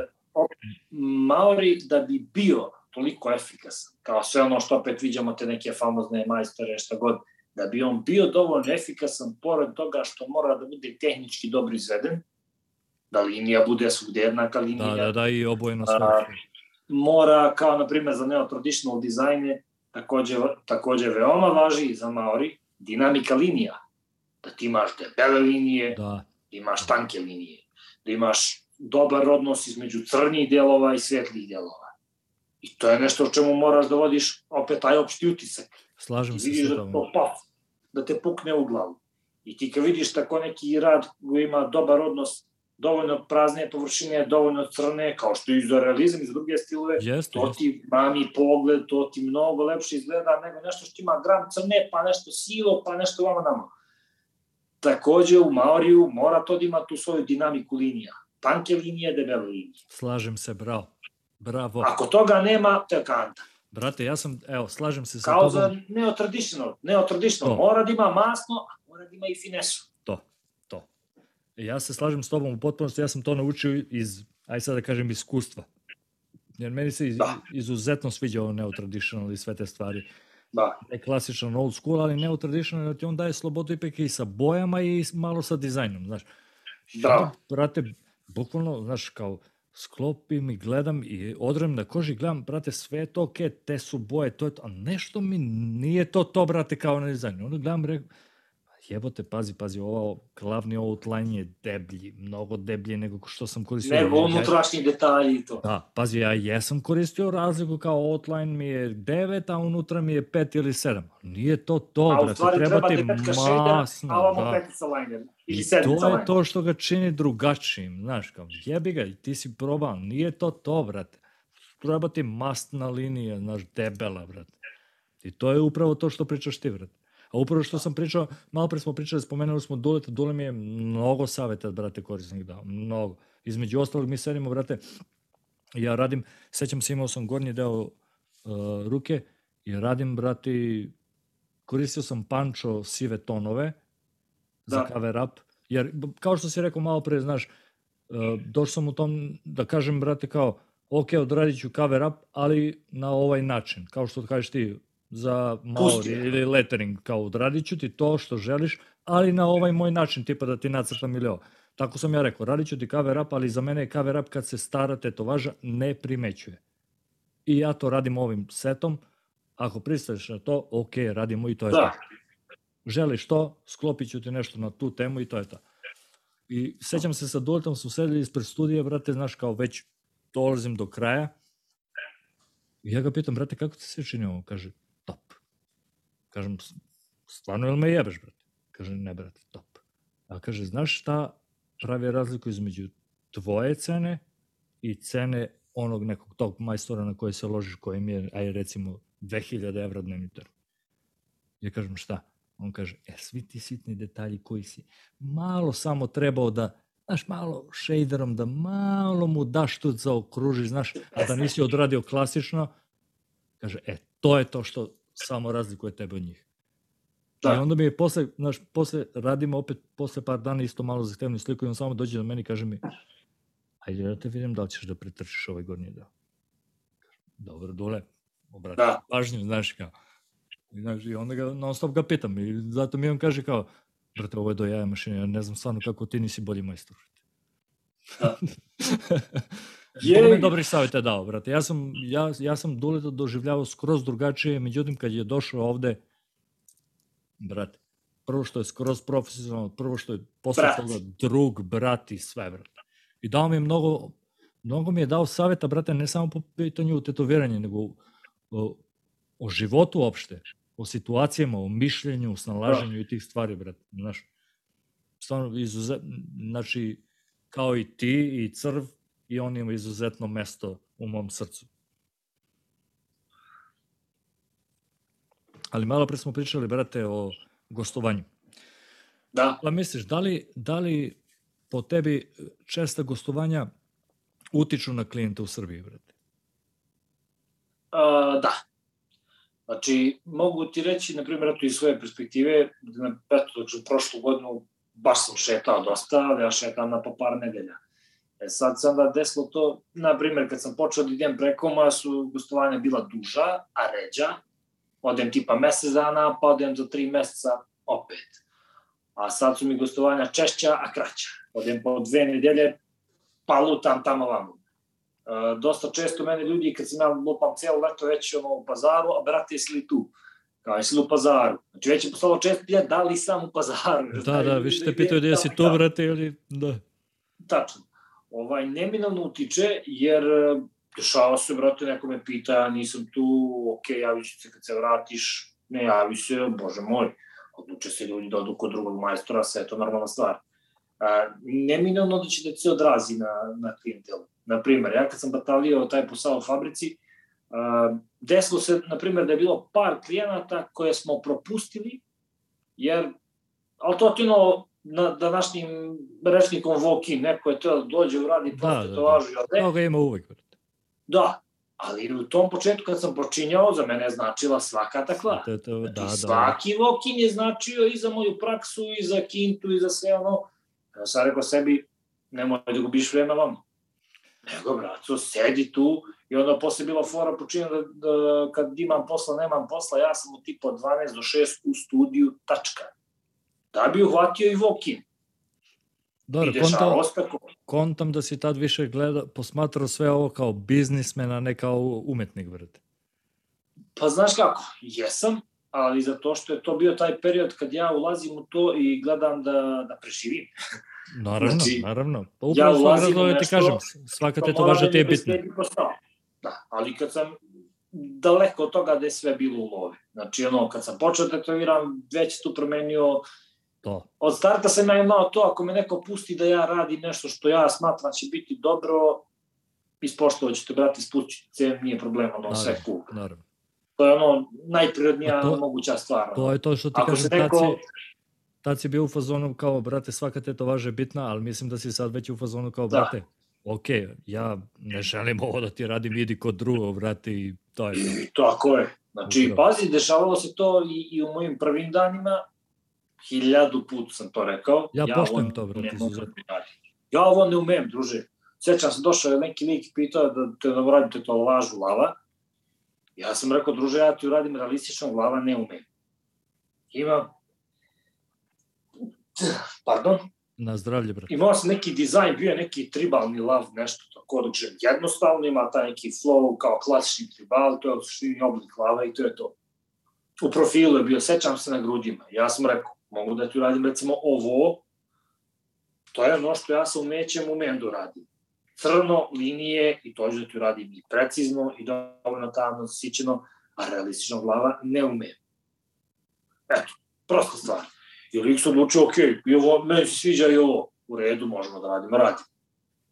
Prosto Brate, mislim, mislim da klijenti poštuju to, brate. Bar sam ovde u inostranstvu primetio, ako nešto ne možeš, Da, Znaš, ja im često Pa pa, kažem, šta, brate, to nije ja moj sam- stil. ja Ja, sam- ne mogu da ti dam taj kvalitet koji ti očekuješ, Da. jednostavno ne mogu. Evo, imam drugu kolegu koji radi to. Da. Brati, izuzetno su zahvalni. Bukvalno, reakcija mi je kao da sam im uradio perfektnu tetovažu, brate. Da. Izuzetno poštuju to. no, to je gospodski. Mada ja sam mislio na ilazio na situacije da, da tada neko podcenjuje, kao što ste rekao malo pre.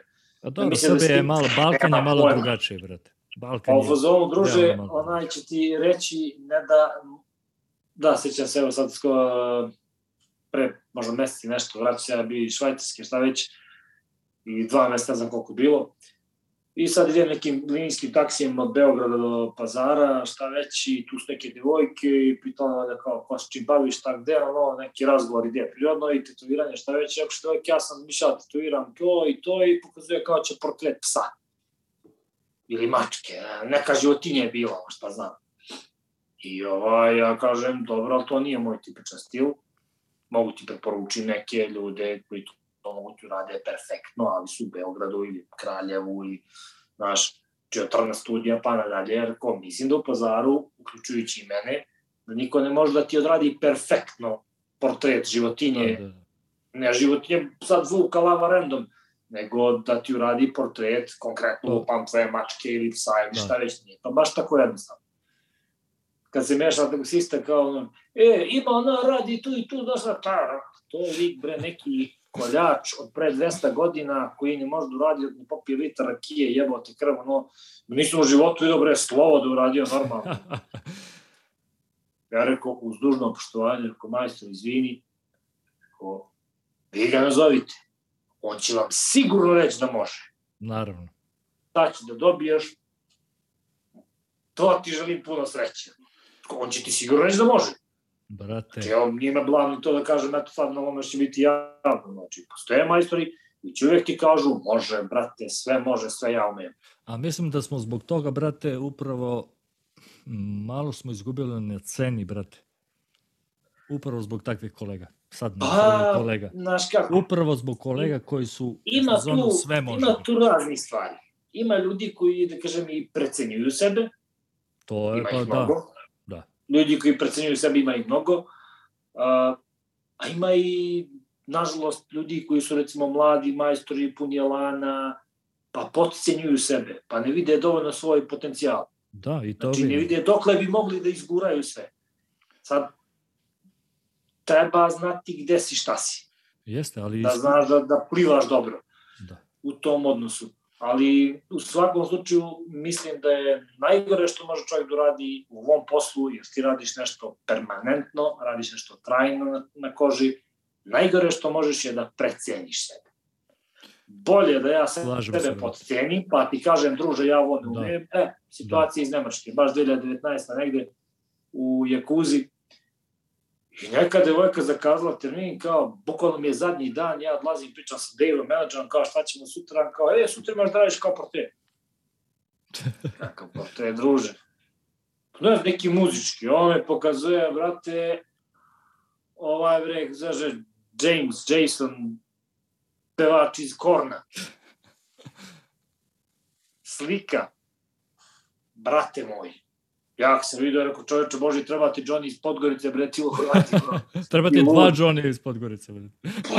ono, znači, pazi, a, on je u, u vrisku, drži mikrofon, nosi crnu odeću, crna pozadina, tek po negdje neki highlight, no, sine, ja ne bi mogao, ja ne znam kako da rešim ovu sliku, bre. Da shvatim, Ja, brate. Znaš, ono, ja što je duže gledam, to, to, to, to ne bi znao šta da radim s njom. I rekao, druže, ja ovo ne mogu da radim. Ma daj, Bog da nekakvi. Jer oni su onim što sam ja do tad radio i u realistici bili zadovoljni. Ali onda ja bi što rekao, druže, ovo nije Da, da, da. jednostavno, rekao, ovo je sasvim treća dimenzija toga da ti ja uradim statu anđela, vamo, namo, ovo je treća dimenzija od toga. Mm, Ja gledam sliku, ja, ne znam šta da radim. Da, da, da. Znaš, ono, eto, na, za početak mu rekao, rekao, vidiš, eto taj odnos, pozadina, crna, crna garderoba, crna pozadina. Kontrast. Na fotografiji, na toj slici referentnoj, to izgleda kao jedno. Znači, pozadina i, i pola njega je u isto, istom tonu. A mi znamo da to ne sme tako. Da, da, da. Sad ja ne bi znao šta da izmislim, kako da rešim. Evo, sad da mi daju tu sliku, pa bi se razmišljao stani kako da vidim da ono, šta da izvedem ono, na taj način. Jer kod druže, ovo ne mogu, dođe žena sutra, namo, namo, ja biš ja rekao, ja to ne mogu zbog toga, to mogu, nisam dovoljno dobar da uradim ovo. Drugo, što opet, u tom formatu kom bi ona želela glava, bi njemu bila volicka, znači to, što nije opet jednostavno da ti uradiš izraz lica Da, da, da, brate, da uhvatiš ekspresiju, što kažeš ti, brate. Ajde, bravo, hvati je ti. Ja nekad radiš ovoliko, pa izborit ću se nešto, Da, da, da, da, bude liče na, na komšiju od toga lika, pevača, ono da bude i on, je pevnika. Da, da, da. ali ja to ne radim, znači ja to Da. ne želim zbog toga, znači u svih tih opasnosti šta bi moglo da se desi kako gde, ja to ne radim. Oni odvedu u studio, kod nekog bio neki Rus, pojma, nemam, da li u Bruksalu, baš nemam pojma. Na kraju, i da, ovaj mi kaže baš, e, menadžer meni kao, ja ću kao, dobro, ne želiš da radiš, naćemo mi majstora od ovih naših nekoliko studija tu, ali kao biš ti prazan dan, ja ne mogu ti da bavim drugog klijenta. Kao. Što se mene tiče, bolje da ja budem tam bez para, nego da me neko kune i mrzi E, a vidi šta sad, se brate, dešava. Ja sam Uveče, imao, bukvalno, mi šalje taj Dave poruku šta je uradio ovaj, ta, taj Rus toj djevojci. Prvo je povećao sliku do besvesti, znači povećao i samo facu je uradio, faca mikrofon nešto i usro je, brate. I Dave mi šalje, brate, slušaj, Pozor, ja se kunem da si ti ovo mogao da radiš Slam. A znaš zašto znam? Zato što sam u Bruckalu ja radio sa tim majstorom i nije Rus, nego je, brate, iz uh, Ukrajine. Neću sad da imenujem, neću da izmenujem kolegu, Da, ali znam ko je lik. I bukvalno je usro, brate. Ja sam, na keca sam vidio da je usro.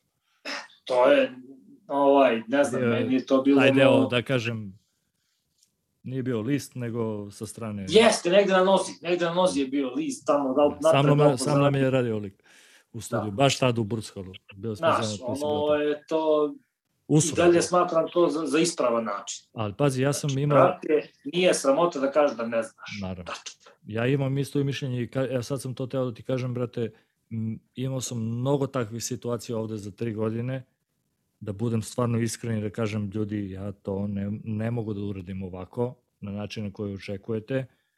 Da. Ili da jednostavno kažem stvarno ne želim ovo da radim zbog toga što će nakon zarastanja biti ovako ili ovakvo. Da. Bukvalno budem zbog toga isprozivan da sam ja neka zvezda, da ja odbijam posao, da ja Važi. rušim ime studija, Važi. brate, i sve to, samo Tako zato što ne želim da ukinem brate. Tako se čuva posao, ljudi to ne kontaju. Znam, pa se znam. čuva posao. Ali evo, na primjer, pričali smo malo pro gostovanju isto i spomenuo si da ti često šaraš tamo, vamo. Ti, osim u inostranstvu, brate, gostuješ i dosta kod kolega u Srbiji isto.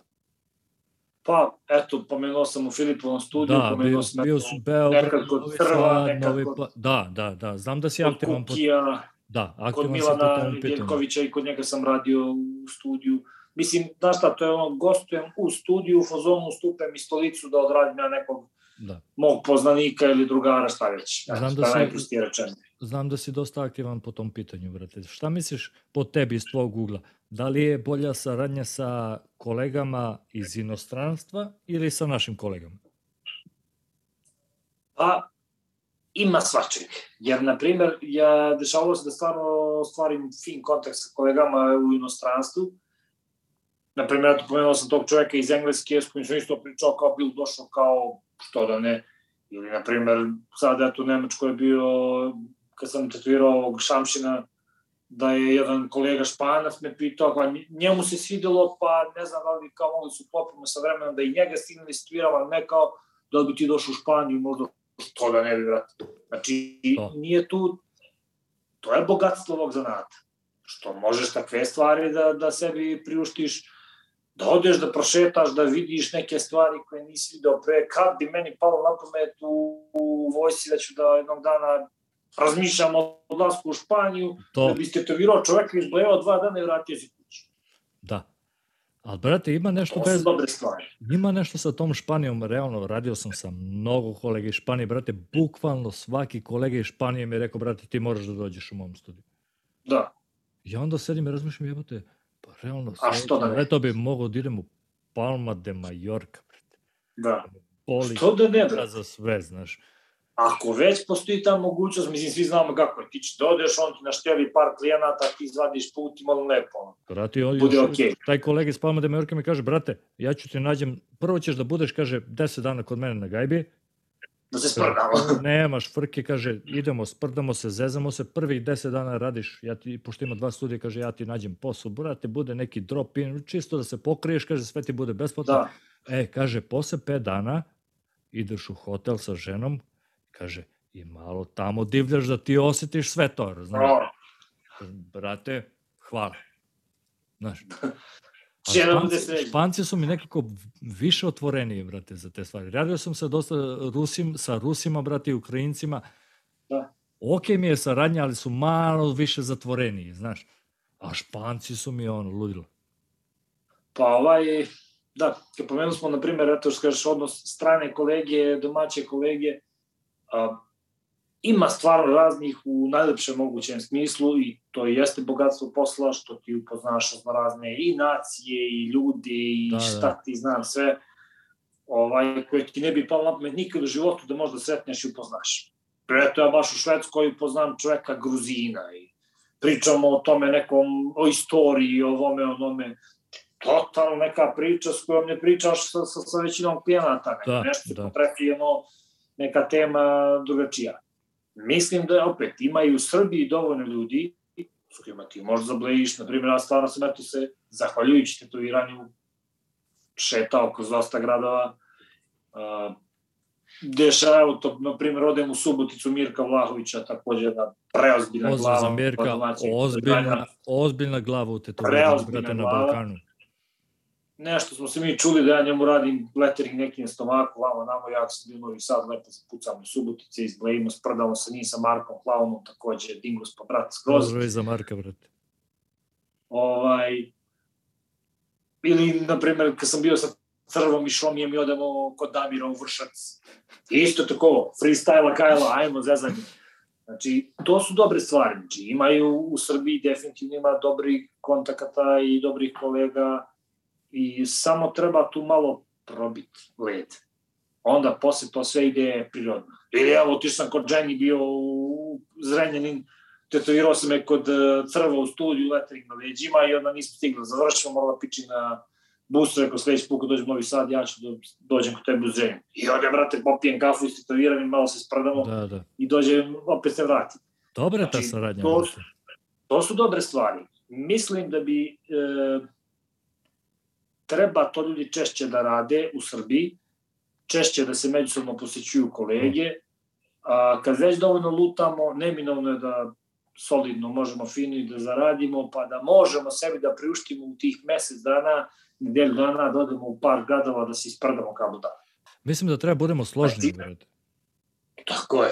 Ako već imamo neke mogućnosti da možda nam bude dobro, daj da nam bude dobro. Da, da. Slažem se. E, potpuno. niko neće da pogine od toga što će da sebi tri dana u nedelji ili pet dana u nedelji da batali prosto radi i ode lupa u susedni grad i sprda se malo i vrati se. Da, brate. A, toliko toga mi razmenimo iskustava normalno, neminovno je kao u svakoj branši gde ljudi ozbiljno vole to što rade, mora tu da bude dosta priče, kao što mi je to malo pre o tetoviranju, o iglama, ovome, onome, mora toga da bude Mora, da. bude i sporednih tema i treba kolegi upoznati ko ljude. Da, Znači, da. nije samo da ti kao, eto, mi znamo, ovaj tetovirao, ovo, ovaj tetovirao, no, e, brate, radio sam to, ti si radio ovo. Čekaj, brale, daj malo da pričamo mi o prostim stvarima. To mi je, brate, Životi, devojke, deca, zezanje, to, to mi treba je i toga neka... da imamo. Naravno. To mi je neka ideja ovog podcastinga, da kažem, da se mi držimo toga, naš, kao tetoviranje, kao te glavne teme, ali između ostalog i da prođemo kroz toga ko je artist sa kojim pričam, znaš, da upoznamo Da. malo i njega, njegovu priču, brate, i da, znaš, da približimo ceo taj, ajde kažem, posao normalnim ljudima, da oni skontaju, da u, Da. oni upravo ne prave te greške, znaš, koje prave, pa sad mi kao Da. nešto ludimo, znaš, i sve te stvari. E, to mi je neka Ono što, glavna ideja.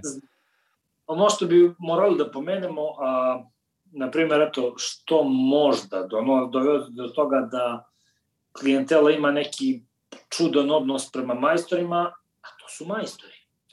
Jer ima ljudi koji okrenje brni, glume neke superstarove, ja ne znam je, zašto, koji kurac, brate, nisi, ono, dobro tetoviraš, ovako ili onako, i za najgoreg majstora postoji neko ko se kunije u njega i smatra da on Da, tetovira. da, da, Bogu da. ok, legitimno, sve to normalno, postoji majstori koji jesu prejaki u tome i sve, mm, ali ne vidim taj sistem zašto bi bilo ko glumio nekog superstara. Pa je, realno nije. Znači, jer e, to, ugro, to direktno ugrožava zanat. To Naravno, direktno bro. ugrožava i umetnost tetoviranja a, kad se izvesni broj ljudi ponaša kao superstar. E, to dovodi do problema onoga što smo pričali, zašto meni klijent ne veruje, kad ja kažem, druže, bit će ovo okej. Da, Znaš, pusti mene da radim ovo, jer svaki prosječan čovjek sad lupam, idem kod nekog, neki posao završim, ali ako ja znam da je taj čovjek nadmen, ja ću morat deset puta da gledam, da pazim, jer čim je nadmen, nadma nešto tu neće mi bude ko treba. A možda jeste profesionalac, uradit će ga deset kroz deset, ali ako je nadmen već, moja sumnja je veća naravno. nešto nije tu kako treba, nešto ne štima, moram da pazim na svaki njegov rad, jer nešto nije mnogo kurčevito, ali razumeš? E to onda dovodi da ljudi baš i nemaju puno poverenja u Srbiji. Jeste, jeste, brate. Inostranstvo je drugo, tamo su već e, brendovi, studiji koji stoje iza svojih majstora i kažu, druže, ti dođeš, šta ti treba, geometrija, evo pogledam, realizam, evo peđa, old school, evo ti ga Duleć ti radi. Znaš, oni to sortiraju, svaki menadžer zna svoje ljude, deli zadatke, ko u vojsi, stvari funkcionišu. Pa bilo bi ono- lepo da je tako, ali A, teoretski uglavnom jeste, uglavnom jeste. Ima svačega. Ima svačega. Ali eto, mislim da treba imati prizeman pristup sa klijentima, Jeste. drugarski, u određenoj meri naravno, ne možeš ti sad sa svakim koga vidiš da budeš na prstu bulju, što je prirodno, niti on s tobom, niti ti s njim, ali dešavalo se naravno svima nama da se kroz karijeru izgrade prijateljstvo. Naravno, znači, da. Neko ko odlazi kod tebe prvi, drugi, treći put, postaje ti drugar vremenom, razumeš? Ti upoznaš čoveka, sedeli ste svaki put po sedam sati, brate, pa i da, upoznali da, ja, ste se, izdružili ste. Ja to sam je, imao, brate, takođe... I to je bogatstvo posla. To je, to da. je lepota. Ali pazi, ti upoznaješ ja sam... razne ljudi neki ti postaju prijatelji. Da. Ti bukvalno svakog dana imaš skoro, svaki, svaki dan imaš drugačijeg klijenta, brate. Znaš? Naravno. Ali to što si rekao, ja upravo imao sam negativnih iskustva i sa, to, i sa tim, brate, isto. Imao sam klijenta koji je, na primjer, Tetevrom drugi, treći put, brate, i četvrti put uh, taj klijent bude dodaljen nekom drugom majstoru. Da. I taj klijent se osjeća neugodno i dođe i na pauzi mi kaže izvini, molim te, ja sam mislio da ću dobiti termin sa, sa tobom. Da. Međutim, tvoj menadžer mi je dao drugog majstora. Kao i, da, to je već, izvini. da kažem, Eto, to je razlika između inostranstva i Srbije, jer ovde uglavnom smo jedan majstor, jedan klijent. Jeste, znaš. I ljudi se realno, gledajući kroz svoju perspektivu, dok se nisam, dok nisam počeo da radim, Prima ja sam bio kod njih u Trnu i meni ono uvek bilo u glavi, ne, ja sam to otišao, ja sam tu zadovoljan, ja ću tamo da idem. Da, da. Ovaj, neminuo kasnije smo ekspirali druge kolege i šta god, ali recimo dok ja nisam, i to mi uvek na pameti, dok ja nisam uh, uleteo u to kao posao, Znači, meni je uvek bilo ono, ja sam zadovoljan radom ovih ljudi. I to je to. I meni je sad, kad hoćete viram, ja idem tamo zdravo.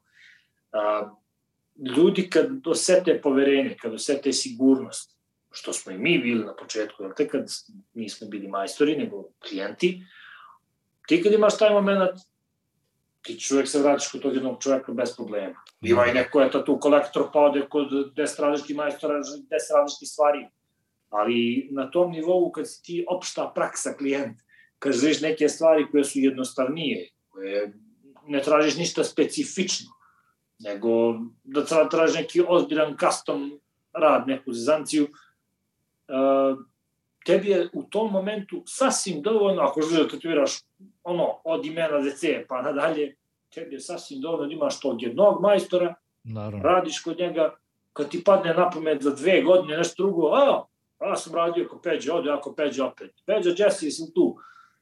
Naravno. Ali pazi, I ako to sam je, ja... po meni, i to, i to je bitan deo tržišta koji ne treba zapostaviti, zato što uh, taj čovek koji ima jednu tetovažu, s kojom je apsolutno zadovoljan, pa brate, on ti je bolja reklama nego čovek koji je pola i šaran i ima Naravno. deset različitih Naravno. ljudi radova ja, na pazi, sebi ovo, ovo što, sam, što sam ti ja rekao je, na primer... Jer, izvini, e, ono što, što želim reći, zašto je taj čovjek dobra reklama? Pa on je dobra reklama zato što on možda se kreće u krugovima gde nema mnogo tetoiranih, on jedan ima tetovažu, ja sam to radio ko Peđe, Peđe to pokido, ja sam prezdovoljan. Slažem se sa tobom. Dok recimo čovjek koji ima na sebe 10.000 tetovaža ili se kreće u društvu gde je mnogo da tu majstora, bit će tu diskusije ovo ono, ali ljudima je to normalno dobro, okej, okay, ono, znaš, aha, tetoviraju, tetovira Bogdan, tetovira Peđa, da, da, to je cool. Ali ovi koji su, da kažem, iz krugova gde je manje tetovirani ljudi, tu ta dobar, dobar glas se mnogo dalje čuje. Jeste, brate, pa pazi, rad, tvoj rad je najbolja reklama, brate. Da li se slažeš sa izjavom da je klijent u našem poslu upravo? Uvek upravo. Apsolutno ne. A to su mi rekli mnogo pametniji ljudi od mene. Ja, I mnogo iskusniji majstori od mene, konkretno. Evo, pominjem i njega često uh, Igor baš, znači koji je meni u poslovnom smislu ozbiljan uzor, jer sam ja Igor Trn, jer sam video kako treba da izgleda studio prvi put kod njega i šta god sam čuo od njega o, tetoviranju i u smislu tehničke izvedbe i u smislu filozofije rada s ljudima i s kolegama i svema. Nikad u životu ja nisam loše nešto od tog čoveka čuo ili nešto što nije pametno. Između ostalog, kaže, Bogi, brate, vidjet ćeš, kao fuzon, kroz praksu.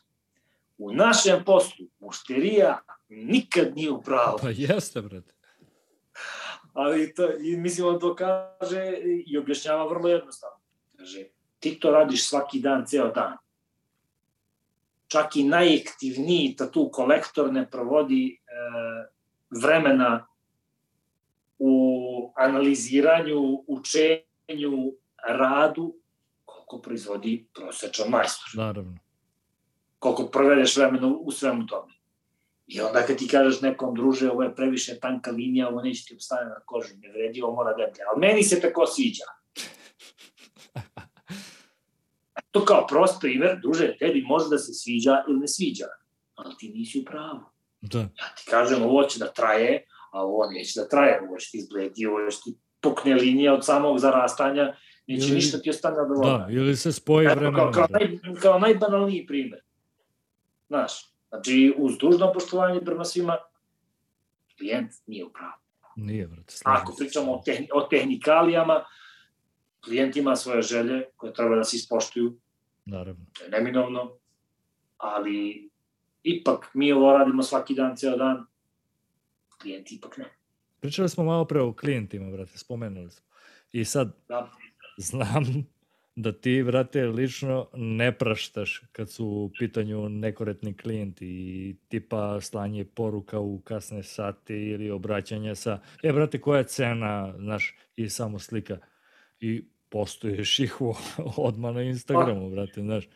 E, u, u vezi sa tim, brate, koje bi savete dao budućim klijentima da tako kažemo da malo sprečimo to ili da malo damo neke informacije klijentima šta i kako? E, ovako, e, dobro pitanje. A, možda je nisu toliko strogo, no, ne kači na svakog ko, ko Dobro, je- malo sam možda zvučao, brate, strogo. Ali eto, za početak, prvo stvar, znači, evo, kad sam bio na prvom gostovanju u Nemačkoj, bio sam mesec i po dana, to je kako su upoznali. Za mesec i po dana samo jedan čovek je meni poslao poruku koja počinje sa dobar dan. I tom sam čoveku rekao, nisam zakazivao nikog kogo mi se javio, koji izvinim druže, rekao, na inostranstvo, kad se vratim objavit ću, pa ono, javit se. Njemu sam rekao, biraj kad ćeš termin.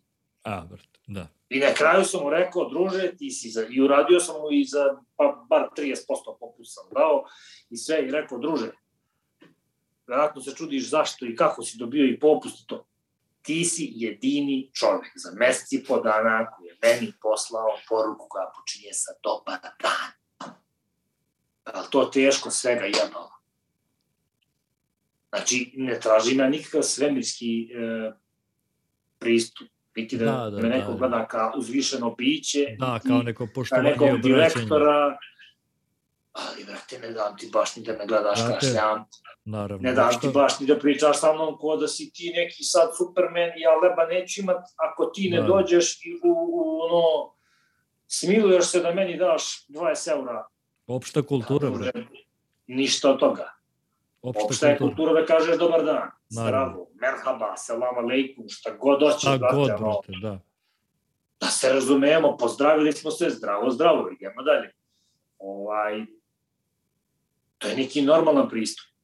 Uh, lupam ko da sad sretneš čoveka na ulici i on krene da te zapitkuje nešto o tvom životu, ti kažeš "Izvini, s kim pričam. Da, pa realno, brate. Pa stvarno. Jeste Da. tako, brate. Pozdravljaš se, predstavi se. Dobro, ne moraš da se predstavljaš na Instagramu, vidi, piše Da. ime nešto. ono, Da, kao, ne moraš imenom i prezimenom, brate, Da. ali budi malo kulturan, mislim, daj mu ga malo, Ali brate. sad ono kao, e, Peđa, ti baš poznaješ onoga Bogdana Jelnog sretnjaka neko na ulici. A ko pita? da, ali nema ni toga, brate. Pazi, aj, Ili kao ajde, ti tetoiraš? e, Ko to, pita? znaš, aj kao Ko kontam pita? to kao ti A. znaš Bogdana, ali nema toga, Koliko brate. budi- košta ovo? Koliko ti košta ovo? burazere? Da, znaš, koja je cena za ovo, brate? Znaš, Ili cena. To je, to je ta, mislim, To. neka retardirana poruka. ili, Cena. š- ili što mi je rekao negovan, brate, kad nap, napišu samo e, znaš kao, 4, 5, 6, e, Imao sam. Imao sam to. E, kao, Ti. e, a, na primjer, a, kad već pričamo o tim stvarima, e, mene su u početku dosta iritirali sa kao privremene tetovaže, stale zebanci, ja sam ja pravio sprd. sećam se, sećam se. E, I jedno, par puta sam ljudi rekao, pa brat, nije to u redu, ne treba ljudi da prozivaš. Ne, ne, ne, druže. Nikoga nisam prozvao po imenu i rekao, e vidiš, ovaj lik je e, Da, hadan, taj, taj. ovaj, ovaj. Ne, ne, druže, ja ti objašnjavam da je to jedna absurdna stvar, da mene koji se trudim da unapredim svoje veštine pitaš o privremenim ili ne daj Bože mesečnim stvarama, stvarima, ja se trudim i razmišljam, lomim glavu pet godina kako da to što trajnije napravim. Da, da, da, da, da. Privremenu tetovažu. Za početak ti vređaš moje učenje i moj zanat. Jer ja učim i dalje. Znači, ti vređaš ono što ja se trudim da postignem. Znaš, to ti ko da pitaš, ne znam, automehaničara na duva gumu. Da, da, da. Kao... Znači, on, se, on se čovjek muči da smisli motor, da ti popravi, da ovo, da ono, ti kaže, vrte, ne duva mi u gumu, kumaš, znaš. I hoće li taj guma da traje uzmi kompresor na duvaj, uzmi kompresor na duvaj sam. ono. Hoćeš privremenu tetovažu, idi kupi sličice, druže moj. Šta ja imam s tim? Ali, da ja nisam to kačio, te zezancije kao tipa screenshot razgovora koji me neko pita za te stvari ili kad ja kažem ja to ne radim, a gde ima, a ko radi to? Da, da, da.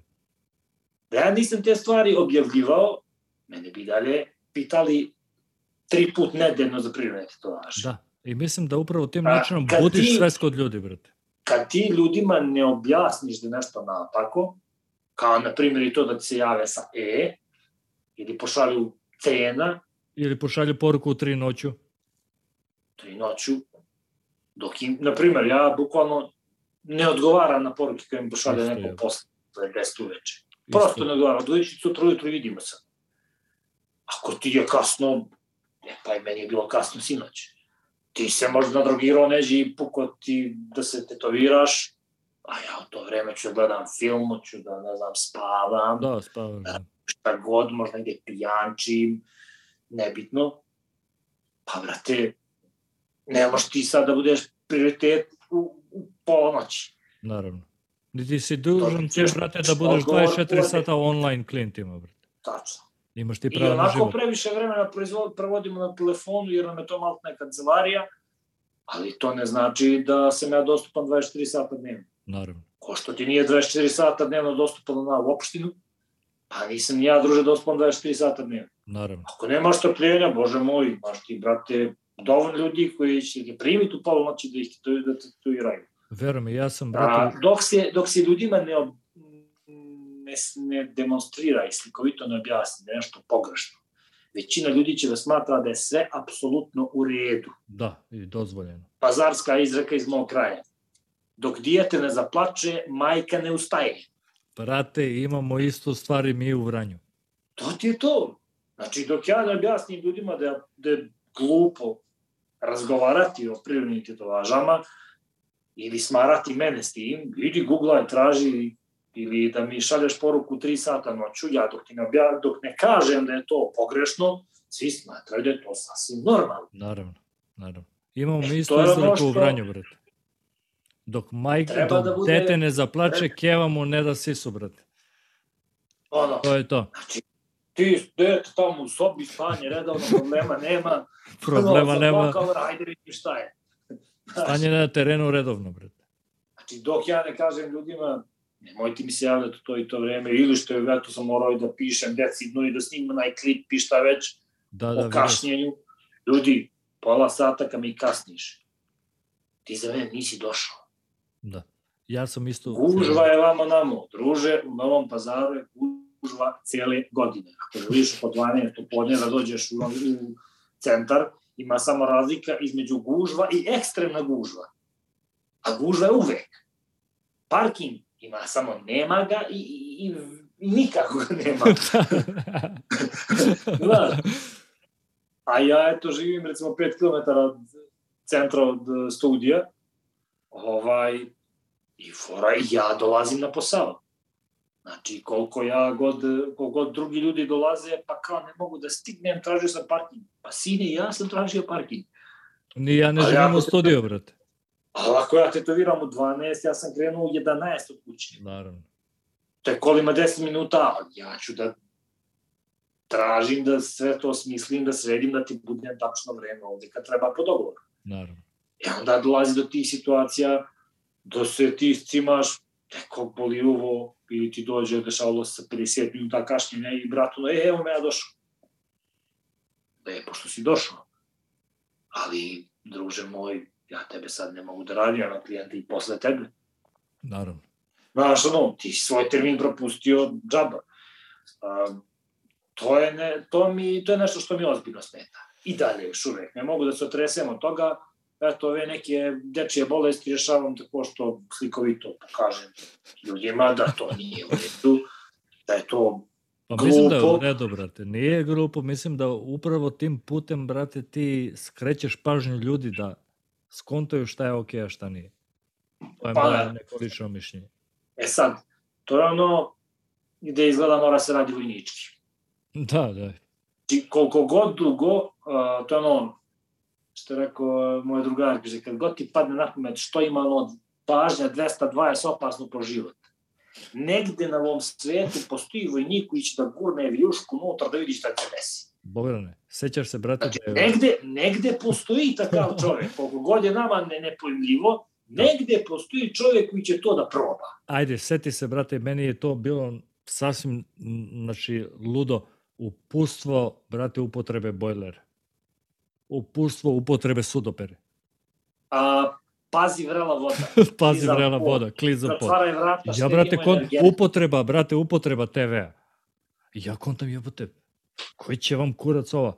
Onda, brate, vremenom shvatiš, pa jebote, treba nam. Negde treba postoji nam negde postoji lik 100%, on to treba. Kome to, to treba? tebi ne pojmilo, negde postoji taj čovjek. Koje bi savete dao, brate, ljudi, ljudima koji tek kreću da se bavimo ovom poslom? Na šta treba obratiti pažnju? Pa eto, e, što ti pomenuo higijenu i zahvalan sam na tome što si rekao da je to dobar moj to. standard. A, meni je i kad sam otvarao studio, stvarno e, bilo u glavi, uvek sam se sećao kakav je bio moj pozitivan utisak kad sam ja otišao u studiju, na primjer, kod Igora. Evo, pominjem ga pola emisije. I hvala Bogu, po dobrom ga pominjem. Brate, ovaj, ima, ima verovatno, brate, razlog zašto ga pominješ. Naravno, znači, jer ja sam tad video kako izgleda tad u studiju. I to što je bilo lepo, čisto, uredno, što je stilski bilo udoban studio, da to nije neka Naravno. fabrička prostorija, da vidiš da je to neko cool, lepo mesto gde se ljudi sećaju dobro. Znači, savjet ljudima koji kreću, higijena je nešto što je bez premca. Higijena je nešto što će a, da vas što će da kupi klijente. Ja nisam znao da istetoviram više od imena, kad sam bio samostalan, kad se razišao s tim kolegom, ali su svi znali da je kod mene čisto. Naravno. I moja ideja kad sam otvarao studiju je bila, pa čekaj, vrate, mora ovde da postoji u ovom gradu dovoljno ljudi koji žele tetovažu, a da ne idu po, po buđacima, da ne idu po raznim gajbama, da daju dop za tetoviranje i šta ti znam. Znači, mora da postoji i takvih ljudi, jer sam ja bio jedan od njih koji ode u Kraljevo iz pazara se tetovira, jer ne znam, tetoviram nekim nevezbenim mestima. Naravno. Prosto jednostavno. Ovaj, to je nešto što prosto ti daje klijentelu u startu. Ima ljudi koji apsolutno im je svejedno gde će tetoviraju, da li će da budu pijani, drogirani, da li se bude prljavo, da li će neko da piša tu iza njega da Naravno, uvijek ima takvi ljudi. To postoji. Ali to su neozbiljni klijenti, ako želi čovjek da razvija svoju klijentelu kako treba, prva i osnovna stvar, ako ja će da te uvek predstavi kod dobrog majstora, taman da znaš makar slovo da istituiraš Neka to slovo bude normalno slovo i neka bude čisto okolo Naravno. i ljudi će biti zadovoljni. Naravno. Jer ja sam tako počeo, eto čovek, vraćamo se opet trikrat od te vojne karijere, šta god uh, radu u fabrici, kad sam rešio da se bavim ovim, ja sam rešio da se bavim ozbiljno. Naravno. Da standard studija mora da bude takav. I tako mislim da, da treba svakom poslu, brate. Ono, Ako svaki znači, posao shvatiš ozbiljno, ti ćeš napredovati tom poslu. Brate. To je to. Koji god posao bilo, ako ga voliš i Znato, prvi, prvi korak, mislim da je stvarno i ne prvi, nego trajni. Znači, prva stvar koja mora da te traje kroz vreme, ako želiš da budeš ozbiljan, ako želiš da ljudi dolaze kod tebe, to mora biti higijena. Slažem se. To ti konkretno daje i naj, najbolji glas. Znači, možeš ti da radiš to važu dobro, ružno, ovako, onako. Uh, hiljadu puta smo videli neki loše dekalaže za koje ljudi koji nose su prezdovoljni. Ma njemu je to grmi, brate, njemu je to, je super. Top. Svi drugari misle da je vrh ono. Da, da, top. Ali kad ti dođeš u studio koji je prljav, svi znamo da je prljav. Naravno. Ako dođeš u mesto koje je čisto, pa lepo je, miriše i čisto je. Naravno. Meni iskreno najlepša pohvala kad dođu konkretno devojke u studiju i kao njima to kao ko ti čisti ovo, pa ko čisti, ja čistim, brate mili, iskustvo iz armije, ribanje klonja, znaš, Središ celu nešto... brate, i on ti dođe na kraju ti kao, znaš, skontaš, sredili smo sve, to je to, i on dođe, otvori vrata, i pipne ivicu vrata gore, kao, a šta Osta. je ovo? A šta je ovo? Osta. A šta je ovo? A čistili Idemo sta? ponovo, a? Niste idemo čistili ponovo. ništa, vi ste samo ništa, zamazali to. Ništa niste vi očistili, kao idemo ponovo, da. ostav. Jedi ga i to je škola. Ovaj, ono što mislim da eto, kad se pričaju o tome i o higijeni i svemu, mislim da je to prva osnovna stvar, a da nažalost vremenom kolege neke ima ih koji su iskusni, ali ih pojede suviše rutine. E, to je ono što rekao da se u fabrici se gubije prsti od toga, to. a recimo u našem poslu suviše rutine dovodi do, ma brate, ništa neće se desi. A evo je ti takvi kurac, pa ne mora uvek sve to da bude perfektno. Ja sam svedok toga, brate. To ti je kod ideš u javnu kuću bez gondola. Naravno. Kao aj neće meni. Može, može se ne desi ništa, sasvim normalno, ali može da se desi da te u kanali do besvesti. Do besvesti, brate. Bitne su higijene izuzetno bitan korak, brate, u tetoviranju. Pogotovo kad si, da kažemo, na, u, u početku kad krećeš u, u ovaj posao. Pa prosto, to, to će te bolje predstaviti ljudima nego da ti crtaš, slikaš, ne znam ti šta, no. Da, da crtaš ta žive ljude na papiru, nekom će to biti ok, ovo ono, Naravno, ali nekom će, nekog će da impresionira, nekog neće, ali ako vidi da je čisto i uredno, to će Naravno. svakom da da neki da, da ne pričamo o infekciji, o infekciji, brati, i svim tim stvarima, znaš. To je već... Ti, brate, odradiš ceo taj proces kako treba, taj proces sterilizacije i higijene i svega toga, mnogo su male šanse da dođe do infekcije i svega toga, znaš. Da, tačno. I pre svega, znaš šta, to je dobra stvar što to tebe ograđuje za ne daje Bože, jer gde se znamo već, čovjek se istetovira, ode na more, istetovira se, ode da skupa u reku, naravno, samo da. kaže, izvini druže, šta je ovde tebe zarazilo? Naravno, naravno. Evo, ti mi reci šta, dovedi mi inspekciju, dovedi mi kog hoće, evo, pogledaj, evo. Da. Vidi, e jebi ga, i sad to je fora, ako pričamo o ovome savjeti mlađima, pa nažalost da budu spremni na takve stvari. Ali da bi se izborili sa tim stvarima, moraju da, mora znanje da se pravi korak po korak da. i da ti ono što radiš da budeš siguran to 200%. Naravno. Ali da ne budu ni previše samouvereni, brate. Da ne budeš bezobrazan, ali, da. druže, znam da ti istetoviram slovo, istetovirat slovo. Ćao. Da budeš svestan svojih mogućnosti. Ovde će biti čisto, bit će čisto, eto, da si tu miran. Znači, mogu da ti uradim jedno slovo u čistoj prostoriji, evo, izvolite, može. Ako ti treba nešto drugo, izvini, možeš tamo. Ja sam krenuo isto tako, brate. Znam to, Jer to je to, to sam, mogu ti pružiti. Tako to. sam ja radio i smatram da je to apsolutno ispravan put, da, da sam, da bilo šta u tom smislu treba da menjam, da mogu se vratim, ne bih ga rekao, samo neki ljevim putem. Slažem se, slažem se u potpuno. Bez, bez ufuranosti, bez neke tu dizanja nosa, bez tripovanja na um, na sam umetnik, da. Jasno, to, je, to je isto jedna kanta. To je nešto što ljude kanali ozbiljno, kad e, zanemare da ovo ima i svoju tu zanatsku Naravno. komponentu, da. E, da ima i tu zdravstvenu, medicinsku, higijensku, nego samo ja sam umetnik. Pa neće to baš tako. Znači, da, umetnik je naš što tako štite, ali ne znači da će biti u tetoviranju dobar, znaš. Naravno. Pa druga pravila. Prosto. Reci mi, brate, za kraj, šta za tebe predstavlja uspeh u ovom poslu? Šta liš od tebe čini najsrećnijim, da kažem? Pa, mislim da je to sloboda koju mi je uh, dao, dao posao sam po sebi. Nije došlo odmah, Mada i u startu je to bilo mnogo više slobode koju sam ja imao nego u prethodnim poslovima, tim šakerskim. A, lepa je to stvar kad upoznaješ dosta ljudi. lepa je stvar kad možda putuješ, možeš sve to. Ali je a, ozbiljna privilegija u 21. veku da imaš posao da ti možeš sam da planiraš svoje radno vreme.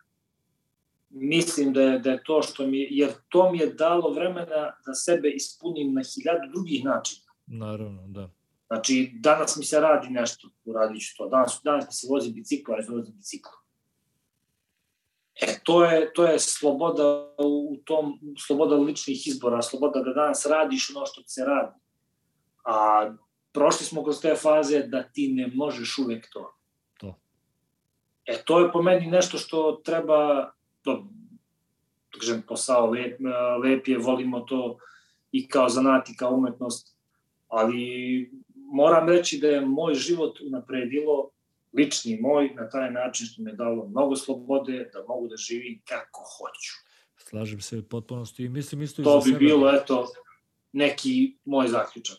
Ja slažem se u potpunosti s tobom i mislim da i meni promenilo život i brate, slažem se s tobom, pričao sam sa Negovanom baš ovde na aerodromu kad sam ga ispratio za Srbiju. Pričali smo, brate, kol- kolika je privilegija, koju mi privilegiju imamo, brate, što se bavimo poslom koji volimo, a samim tim putujemo, brate, upoznajemo nove ljude, nova mesta, brate, imaš slobodu da radiš ono što hoćeš ili što nećeš, brate, znaš. Prosto. Znaš, i radiš to što voliš, brate, znaš, imaš taj neki adrenalin, znaš, kao sad ću ovo, sad ću ono.